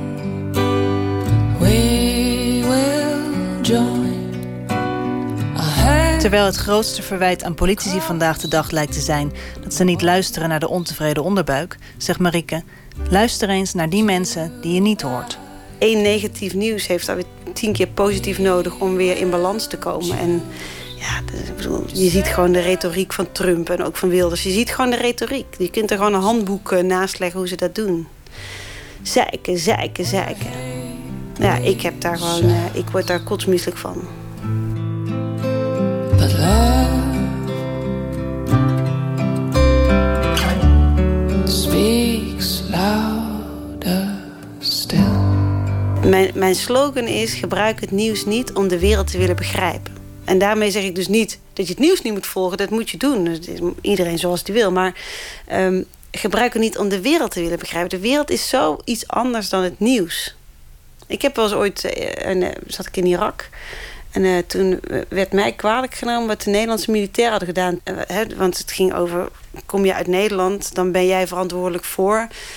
En mijn tolk zei toen iets heel iets moois. Die zei van, oké, laten we eventjes teruggaan naar het gesprek. Want als we op deze manier gaan praten, dan moeten wij helaas vertrekken. Dit is een meisje, ze komt uit Nederland. En jij bent gewoon een Irakese jongen. Zullen we van persoon tot persoon blijven praten... of gaan we nu elkaar de schuld geven van wat de landen met elkaar doen? En op de ene manier, die jongen die pakte dat heel erg goed. Die zei van, oh ja, ik denk dat dat ook een moment was... waar ik heel veel op heb geleerd. Ik ben gewoon één persoon die gewoon zijn best doet om een ander te begrijpen. En toen hebben we een heel goed gesprek gehad. En ik weet nog, toen ik daar wegging... toen zei hij eh, tegen de tolk eh, van... eh, als jullie ooit nog weer terug willen komen... zijn jullie van harte welkom. En toen moest ik bijna huilen. dacht ik echt van... ja, dit is wel waar het over gaat. Willen jullie koffie? Ja, Cappuccino. Thee mag ook hoor. Ja, cappuccino vind ik wel lekker. Van Drenthe rijden we door naar het gezin van Gaia in het Friese Sneek. Daar gaat het gesprek voornamelijk over verbinding. Gaia pakt er een foto van haar opa en oma bij. Mijn opa en oma zijn echt een soort van mijn voorbeelden. En eh, ze hebben allebei Auschwitz overleefd. In Auschwitz waren ze ieder in, een, in het eigen kamp. En heeft, hebben ze geprobeerd contact met elkaar te houden op, op hele gekke manieren. Om verbinding te houden. Dus eh, hij heeft eh, stukjes brood gespaard. Ze kregen dus een brood en dan spaarde hij stukjes brood. En dan had hij een homp. En dan zorgde hij dat iemand dat bij mijn oma bracht. En dan wist mijn oma dat hij nog leefde. En dat gaf haar weer energie. En ze heeft op de trouwdag een, een bosje bloemen gekregen met een briefje van mijn opa. En dat zorgde ook weer voor verbinding. Oh, your hate Nou, wat een mooi verhaal. Mooi, hè? Ja. Nou, je ziet dat zij daar ook heel erg bezig is met die verbinding. Dus, dus dat was denk ik ook de reden waarom ze het oké vond dat ik op de koffie kwam.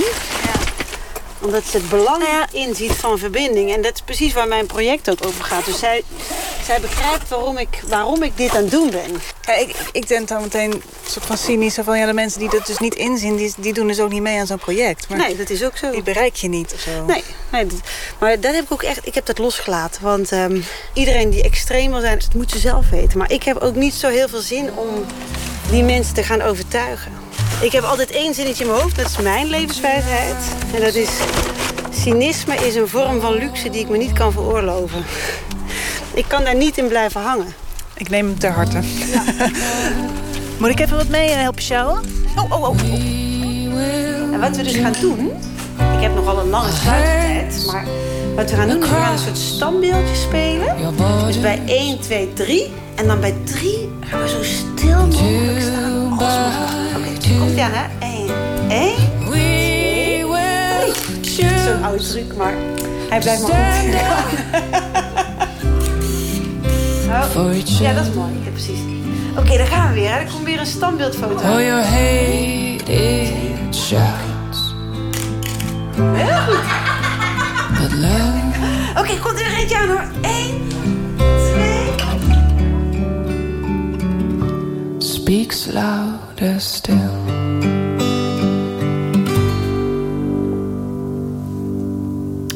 Eliane Meijer in eh, gesprek met fotograaf Marieke van der Velde over het project Nederland, oh Nederland.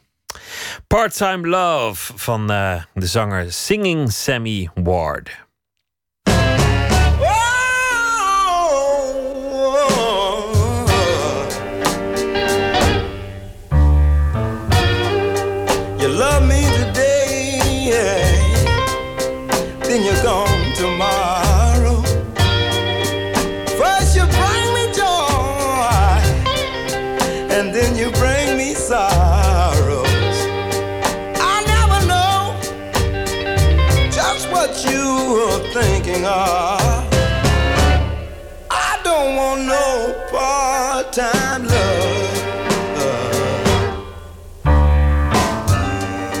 You tell me the truth,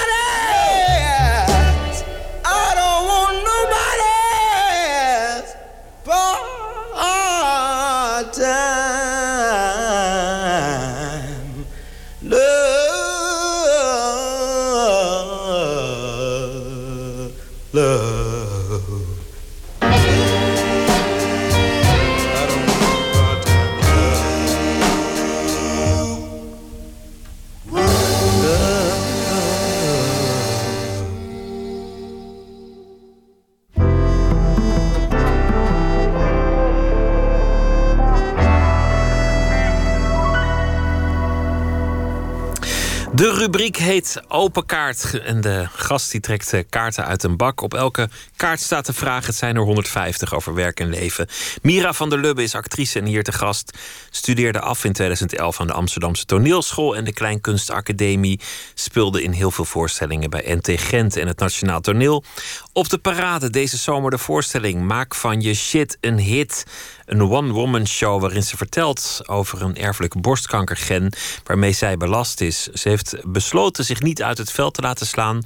Maar, zoals de titel al belooft, van de shit een hit te maken. En zich op te werken tot beschermheilige aller borsten. Mira van der Lubbe, hartelijk welkom. Dankjewel. Wa- Wat is dat voor gen? Eh, het heet het BRCA1-gen. Eh, en het is een erfelijke genmutatie... waardoor je een zeer verhoogd risico hebt op borst- en eierstokkanker. Eh, en dat betekent dat ik in mijn leven... uiteindelijk 60 tot 80 procent heb om borstkanker te krijgen... en 35 tot 45 procent heb om eierstokkanker te krijgen. Dus er hangt al best wel een, een gewicht boven je bestaan vanaf je geboorte. Eh, nou ja, nee, dat, dat kan je eigenlijk. eh dat valt een beetje lastig te zeggen, omdat ze pas zo rond, als ik het goed heb, eh, rond 1998 hebben ze ontdekt dat het eh, inderdaad over een gen gaat. Eh, daarvoor waren ze nog niet zo ver. Dat is pas iets van de laatste jaren. Eh, daarvoor spraken ze altijd over familiair. Want eh, mijn oma, die is eh, toen zij 43 was, eh, aan de gevolgen van borstkanker overleden. En in die tijd werd het nog K genoemd, kanker, omdat het taboe wat erop op lag zo groot was. Mijn moeder is, drie keer, heeft drie keer borstkanker gehad. En toen spraken ze over, nou ja, omdat haar moeder dat dan, dat is vast, zit dat in de familie. Uh, en toen pas later hebben ze ontdekt van... hey, weet je wat, uh, heel veel kanker uh, ontstaat door een soort foute deling in foute celdeling. En dat heeft vaak ook met, ja, met, een, met, met een gen te maken. Wat betekent het in praktijk? Sta jij onder, onder vrijwel permanent toezicht van de medische staf? Uh, nou ja, uh, nee, permanent toezicht is, uh, is ook weer een groot, groot woord. Maar um, sinds ik weet dat ik dit, dit gen draag, ik ben daar nu drie jaar geleden achter gekomen door middel van een DNA-test. ga ik één keer per jaar naar het, het Antonie van Leeuwenhoek ziekenhuis, dus het kankerziekenhuis. inderdaad voor controle. En dan krijg ik een MRI-scan en een mammografie. Uh, en dat is een soort de titelpletmachine. Uh, en één keer per jaar ga ik, heb ik gewoon uh, controle bij mijn arts. Dus eigenlijk twee, ga ik twee keer per jaar moet ik nu naar het ziekenhuis. Wat één voordeel biedt, namelijk dat, dat als je het krijgt, dat het waarschijnlijk vroeg ontdekt wordt. Wat, wat bij de behandeling natuurlijk uh, gunstig is. Ja, dat is, dat is inderdaad heel gunstig. Maar uh, er, zijn, er wordt ook wel uh, ja, geadviseerd. Of, of het is, er is ook een mogelijkheid om preventief je borsten en daarna ook je eierstokken eraf of eruit te laten halen. Uh, dus dat is ook, uh, ook nog een ding wat je, wat je kan overwegen. Maar inderdaad, uh, ik, ik, nou ja, ik sta goed onder controle. Dus het wordt, hoe dan ook wordt het vroegtijdig ontdekt. alleen is het zelf zo dat bij de kleinste ja, tumorvorming... kan het, zou het al door je bloedbaan ergens anders naar je lichaam. Dus eigenlijk is het risico op uitzaaiingen vaak al wel, wel snel. Angelina Jolie die had iets soortgelijks. Ja, die, uh, precies. Uh, Angelina, precies hetzelfde. Ja, precies hetzelfde, inderdaad. En die heeft toen ook bekendgemaakt in een, in een open brief in de New York Times... dat ze haar borsten preventief had laten uh, verwijderen. Ja. Riep ook andere vrouwen op om, om in dat geval dat te doen... en vroeg ook aandacht voor, nou ja, voor, voor, voor de casus van, van mensen met een erfelijke belasting. Ja. Hoe, hoe speelt dat bij jou? Is, heb, je, heb je dat soort dilemma's aan de hand? Uh, in de zin van of ik, of ik moet... Of, ja. ja, zeker. Nou ja, uh, ik ben er nu inmiddels wel uit, denk ik, dat ik inderdaad uh, ervoor ga kiezen... om mijn borsten preventief eraf te laten halen. maar ja, dat, dat brengt natuurlijk ook weer heel veel dingen met zich mee. Want het... Uh, ja, dat is natuurlijk niet iets wat je zomaar, uh, zomaar doet. Maar dat zijn, nou ja, voor mij is het altijd. Ik heb, um, ook omdat mijn moeder heeft het drie keer overleefd. En ik ben heel erg opgegroeid eigenlijk met uh, weten doet leven. En voor de medische vooruitgang. dus bij mij is het toch eigenlijk altijd wel een soort van. ja, dat ik er niet bang voor ben geweest. En dat ik denk, ja, dat ik, ik kan er, ik, ik heb een soort keuze en ik kan ervoor kiezen om, om er iets mee te doen. Eh, om preventief mijn borsten eraf te laten halen. Dus dat heeft voor mij altijd wel een soort van. eh, ja, hoe moeilijk de uiteindelijke beslissing ook is, eh, heeft dat altijd wel zo meegespeeld. Hoe heeft het je leven veranderd? Dat, dat- er, dat er toch altijd dat gevaar aanwezig is. En, en ook in, Ehm. in een statistisch grotere mate dan bij de meesten. Nou, ehm, aan de ene kant heeft het me toch best wel veel goed gebracht op een hele, op een hele rare manier. Nou ja, ik, ik zeg soms wel dat ik het af en toe het gevoel heb dat, ik, eh, dat er zo tien jaar van mijn leven eh, zijn afgepakt. Niet, niet in de letterlijke zin, maar ik eh, hoorde het, of ik, ik kreeg de uitslag toen ik 27 was. En ik heb wel soms het idee dat ik veranderde van een soort onbezonnen twintiger. die nog eh, nou, een heel onbezonnen leven voor me eh, voor zich had. eh, dat ik opeens veranderde in een vrouw die moet gaan nadenken over het preventief verwijderen van haar borsten. en daarna eierstokken. En dat ik opeens, als ik kinderen wil, dat ik wordt gezegd van ja, hoe eerder, hoe beter. Terwijl de rest om me heen een beetje nog vrolijk in de disco stond te zwaaien. En dat ik opeens voor dat soort. nou ja, dat soort best wel nou, moeilijke keuzes, eh, dat ik daar opeens voor stond.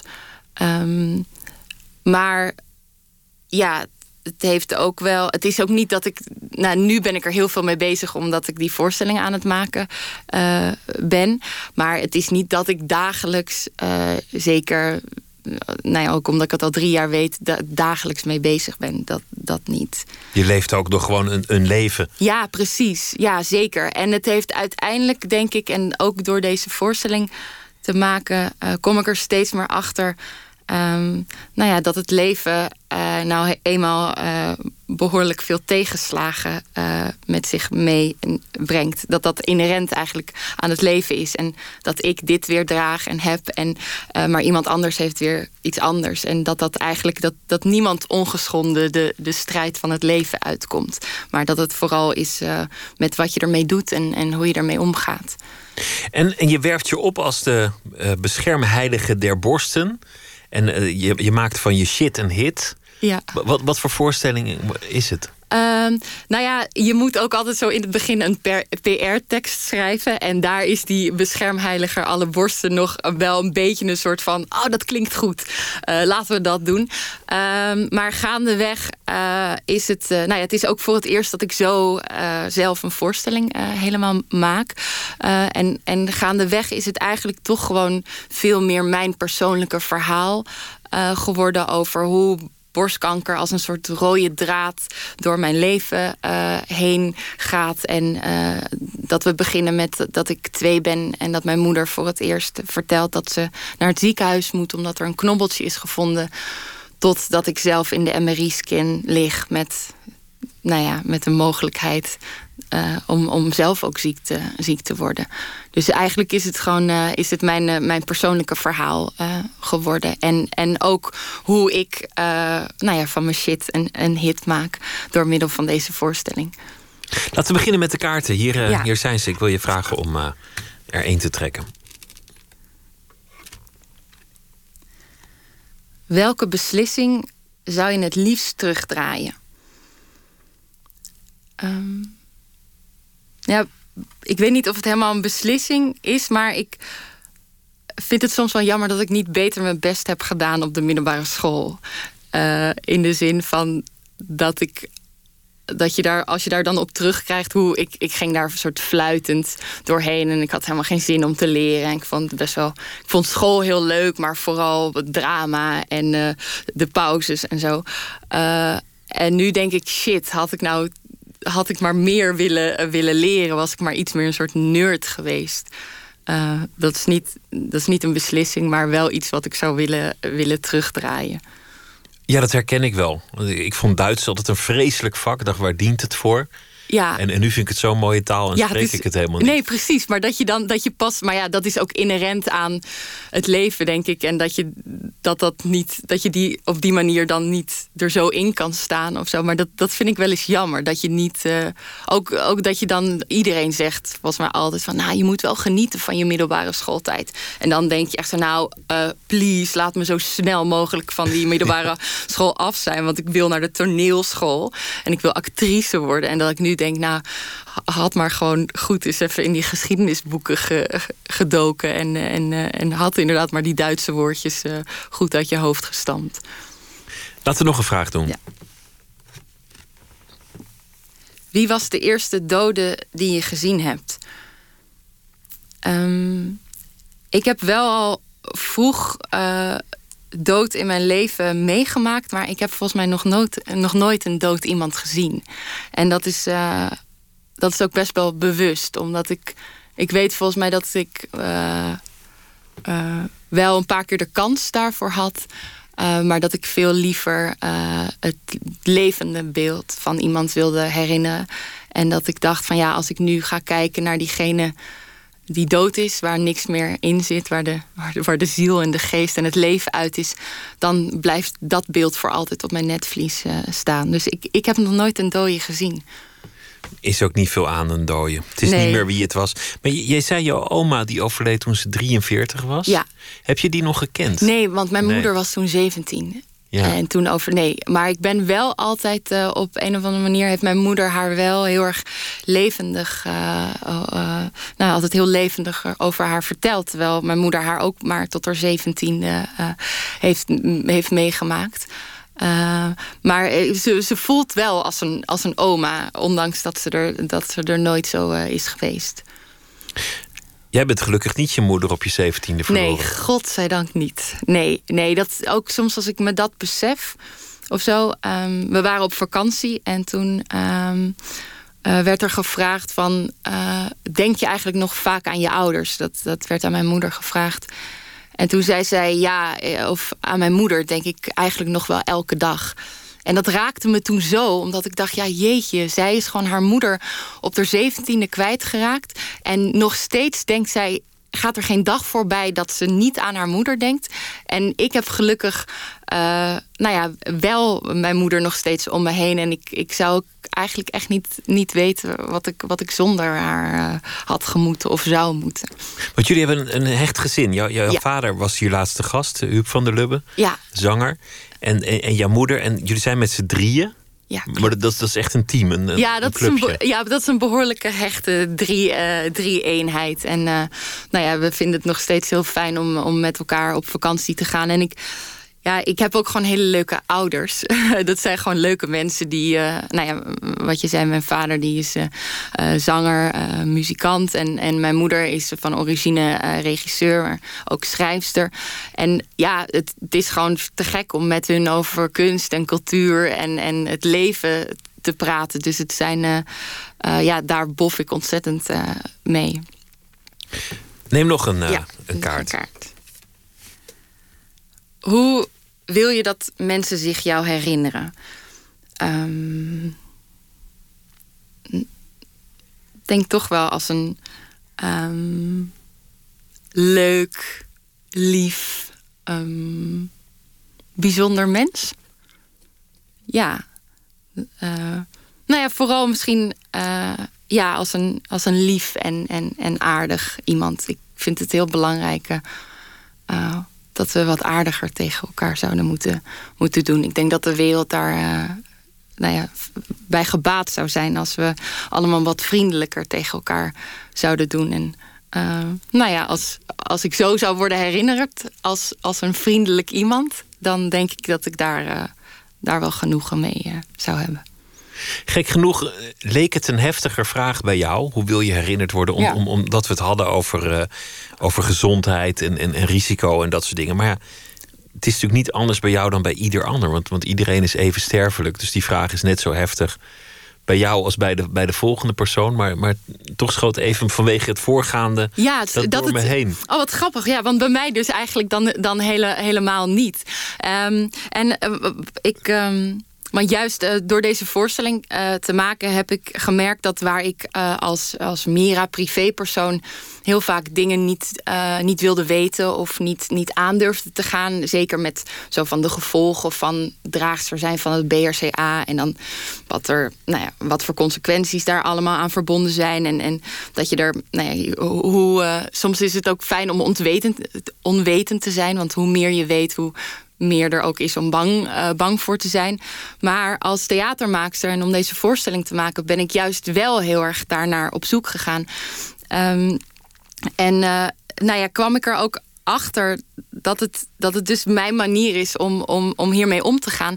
Eh, en bovendien, dat stel dat ik inderdaad mijn borsten preventief laat verwijderen en op een gegeven moment ook mijn eierstok, eierstokken er ook uit laat halen, dan heb ik kan ik eigenlijk bijna onbezonnener leven dan eh, mijn vriendinnen eh, om mij heen. Omdat die nog steeds eigenlijk een kans hebben van eh 1 op de 9 is het volgens mij vrouwen die borstkanker krijgen. En daar val ik dan buiten.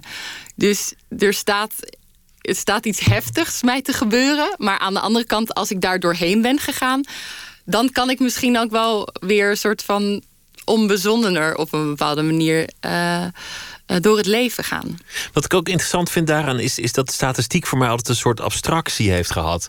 De, de kans dat je de staatsloterij wint Ja. is kleiner dan dat je drie keer op een rij door de bliksem wordt getroffen op de PC Hoofdstraat. En toch koop ik een staatslot. Want Ja. ik denk, ja, ja, het gebeurt toch, statistiek of niet. Ja, precies. Het is ook een soort belasting op domheid hoor, zo'n staatslot, maar, maar vooruit. Maar voor, voor jou is statistiek nu iets heel wezenlijks, want, want daar gaat het over. Ja, maar dan nog is het een soort van. is, blijven statistieken iets, iets, heel, iets heel raars. En, en je probeert dat als iets, iets wat je vast kan grijpen of zo. eh, van, oh ja, een houvast of zo, die statistieken. Maar nou ja, er wordt dus gezegd dat ik in mijn leven uiteindelijk 60 tot 80 procent heb op borstkanker. Nou dat betekent dus ook eigenlijk dat je 40 tot 20 procent kans hebt om geen borstkanker te krijgen. Daar zou ik natuurlijk ook op een soort van kunnen wachten. Dus het is, het is inderdaad, je- je probeert daar heel erg mee te leven. Maar aan de andere kant is het ook inderdaad zoiets wat jij zegt van ja, de kans dat je het. Eh, dat, je een, eh, dat je door de bliksem getroffen wordt, is groter bijna dat je de loterij eh, kiest. Maar toch doe je het ene. En in mijn geval denk ik dat, nou ja, dat ik voel me fijner bij de beslissing om het toch een soort het, lot in eigen handen te nemen en, en, het, en het zelf. Ja, zelf een beslissing daarover te maken dan dat ik die statistieken soort laat blijken wat ze zijn en erachter kom of ik nou wel of niet tot die 60 of 80 procent. eh, Dus om actief te zijn en niet, niet passief. Ja, precies. Het, het, ja. eh, het eh, lijf te gaan. Ja. Een hoogleraar statistiek zei een keer... ehm, statistisch gezien heeft iedereen één borst en één bal. En dat is natuurlijk wel waar. Ja. De statistieken zijn, zijn ook rare dingen in ja, die zin. Ja, heel, heel rare dingen. En toch ook wel fijn of zo. En je wil toch ook weten van... ja, maar wat is dan de kans om dood te gaan? Of hoeveel vrouwen dan? Of wat gebeurt er? Eh, Dat dat, ja, je wil... Ik denk, denk je niet dat dat iets is ook ah, van de mens? Dat, dat we graag dat, dat willen of zo? Op een bepaalde manier willen weten van... Wat Willen is- weten, honger, honger naar kennis. Ja. En, en honger ook naar, naar waar de ruimte is om zelf te handelen. Om, Ja, om iets te doen. Ja, om, zeker. om niet leidzaam toe te kijken, maar Ja, dat, het dat, lot in handen te nemen. Mhm. Ja, dat denk ik ook. Dankjewel. De voorstelling Maak van je shit een hit is te zien op de parade in Utrecht en in Amsterdam. Mira, dankjewel. Heel graag gedaan, dankjewel. Offa Rex, een eh, zijproject van eh, de band The Decemberists. Een, eh, een samenwerking met de Britse folkzangeres Olivia Cheney. En dit nummer heet The Queen of Hearts.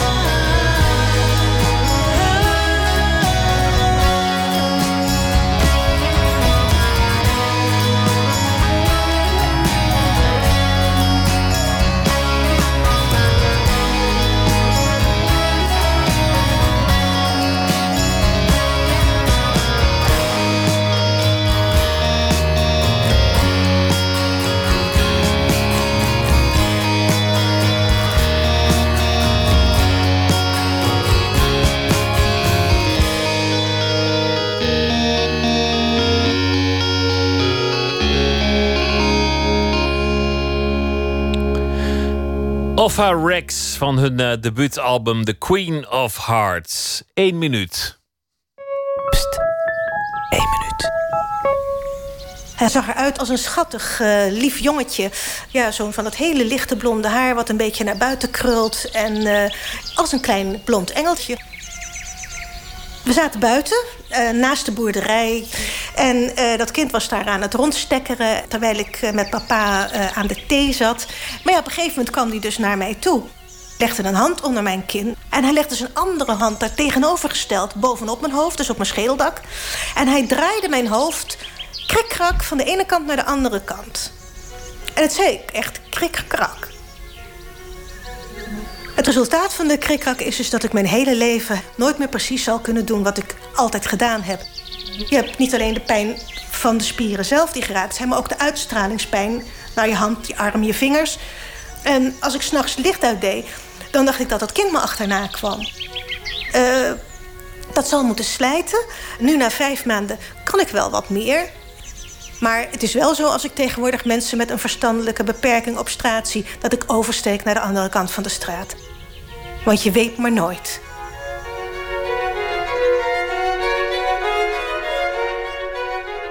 Eén minuut gemaakt door Dorothee Forma. Kezia Jones met het nummer Joy in Repetition. Holding someone is truly believing. There's joy in repetition. Holding someone is truly believing. There's joy in repetition. She said, Love me.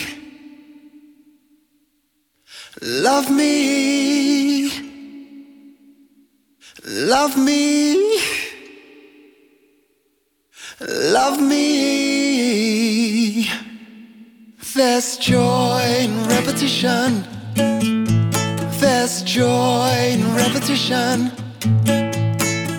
Joy in repetition. There's joy in repetition. All the poets and the part time singers always hang inside. Loud music from a band plays a song called Soul Psychedelicide. Song's a year long and have been planned for months when they walked into the place. No one seemed to care for the introverted This is a look on most of their faces.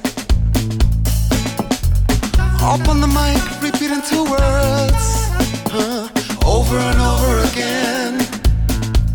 Was this woman he had never noticed before? Lost himself in the articulated manner when she said two words, a little bit behind the beat. I mean, just enough to turn you on. For every time she said the words, another one of his doubts were gone. Should he try to rap to her? Should he stand and stare? No one else was watching her. She didn't seem to care. So and she said the words till it could take no more. No more. He dragged her from the stage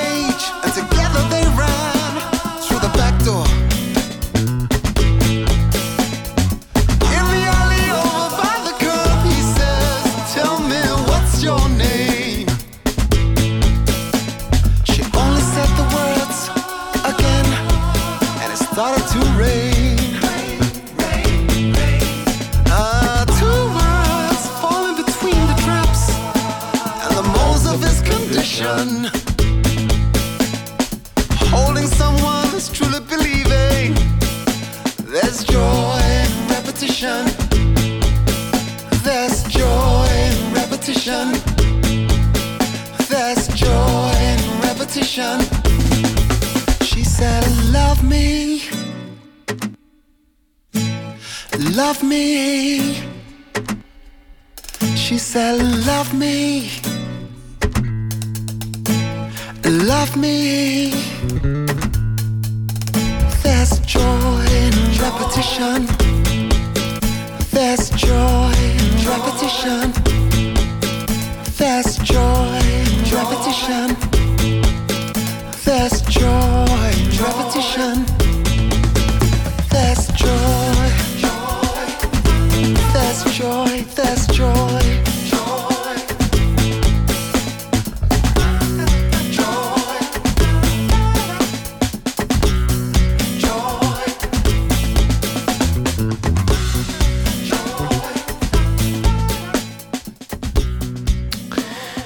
Keisha Jones, een Nigeriaanse zanger en gitarist. En dit was een eh, stuk dat oorspronkelijk van Prince was, Joy in Repetition. Poëzie van Erik-Jan Harmens, een gedicht met als titel... But you left me just when I needed you most.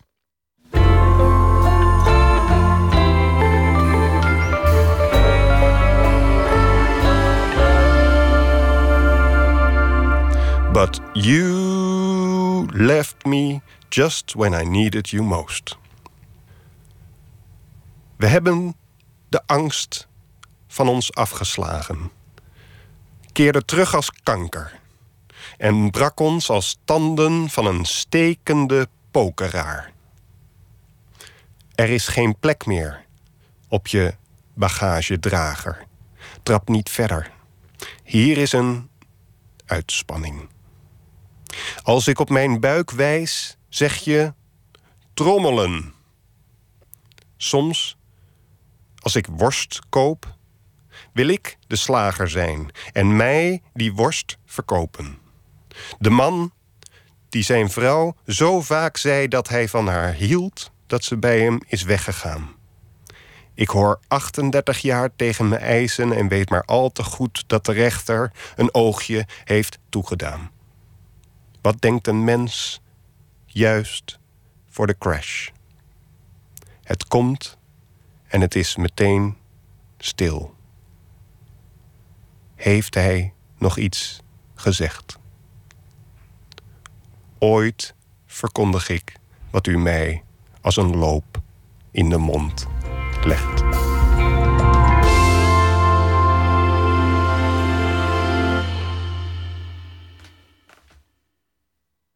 Erik Jan Harmens las het gedicht But You Left Me Just When I Needed You Most. Sam Outlaw, een eh, country hart op de goede plek, schreef de Volkskrant over zijn nieuwe album Tender Heart. En dit eh, nummer komt van het album. Morgen treedt hij op in Paradiso. En het stuk heet Bottomless Mimosas.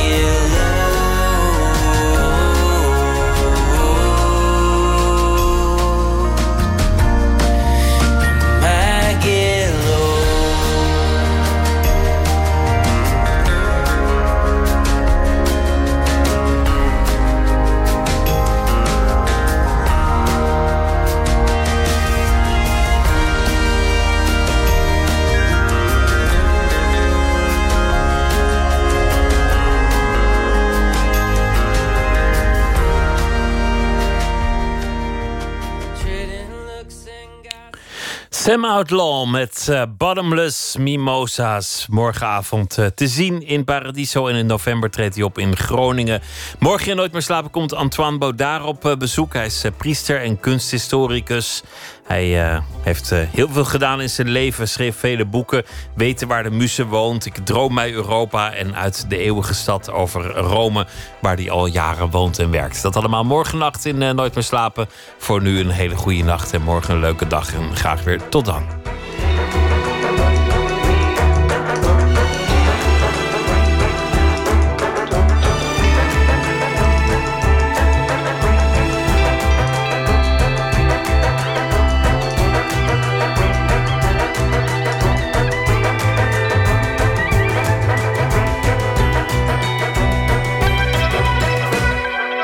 Radio 1, het nieuws van alle kanten.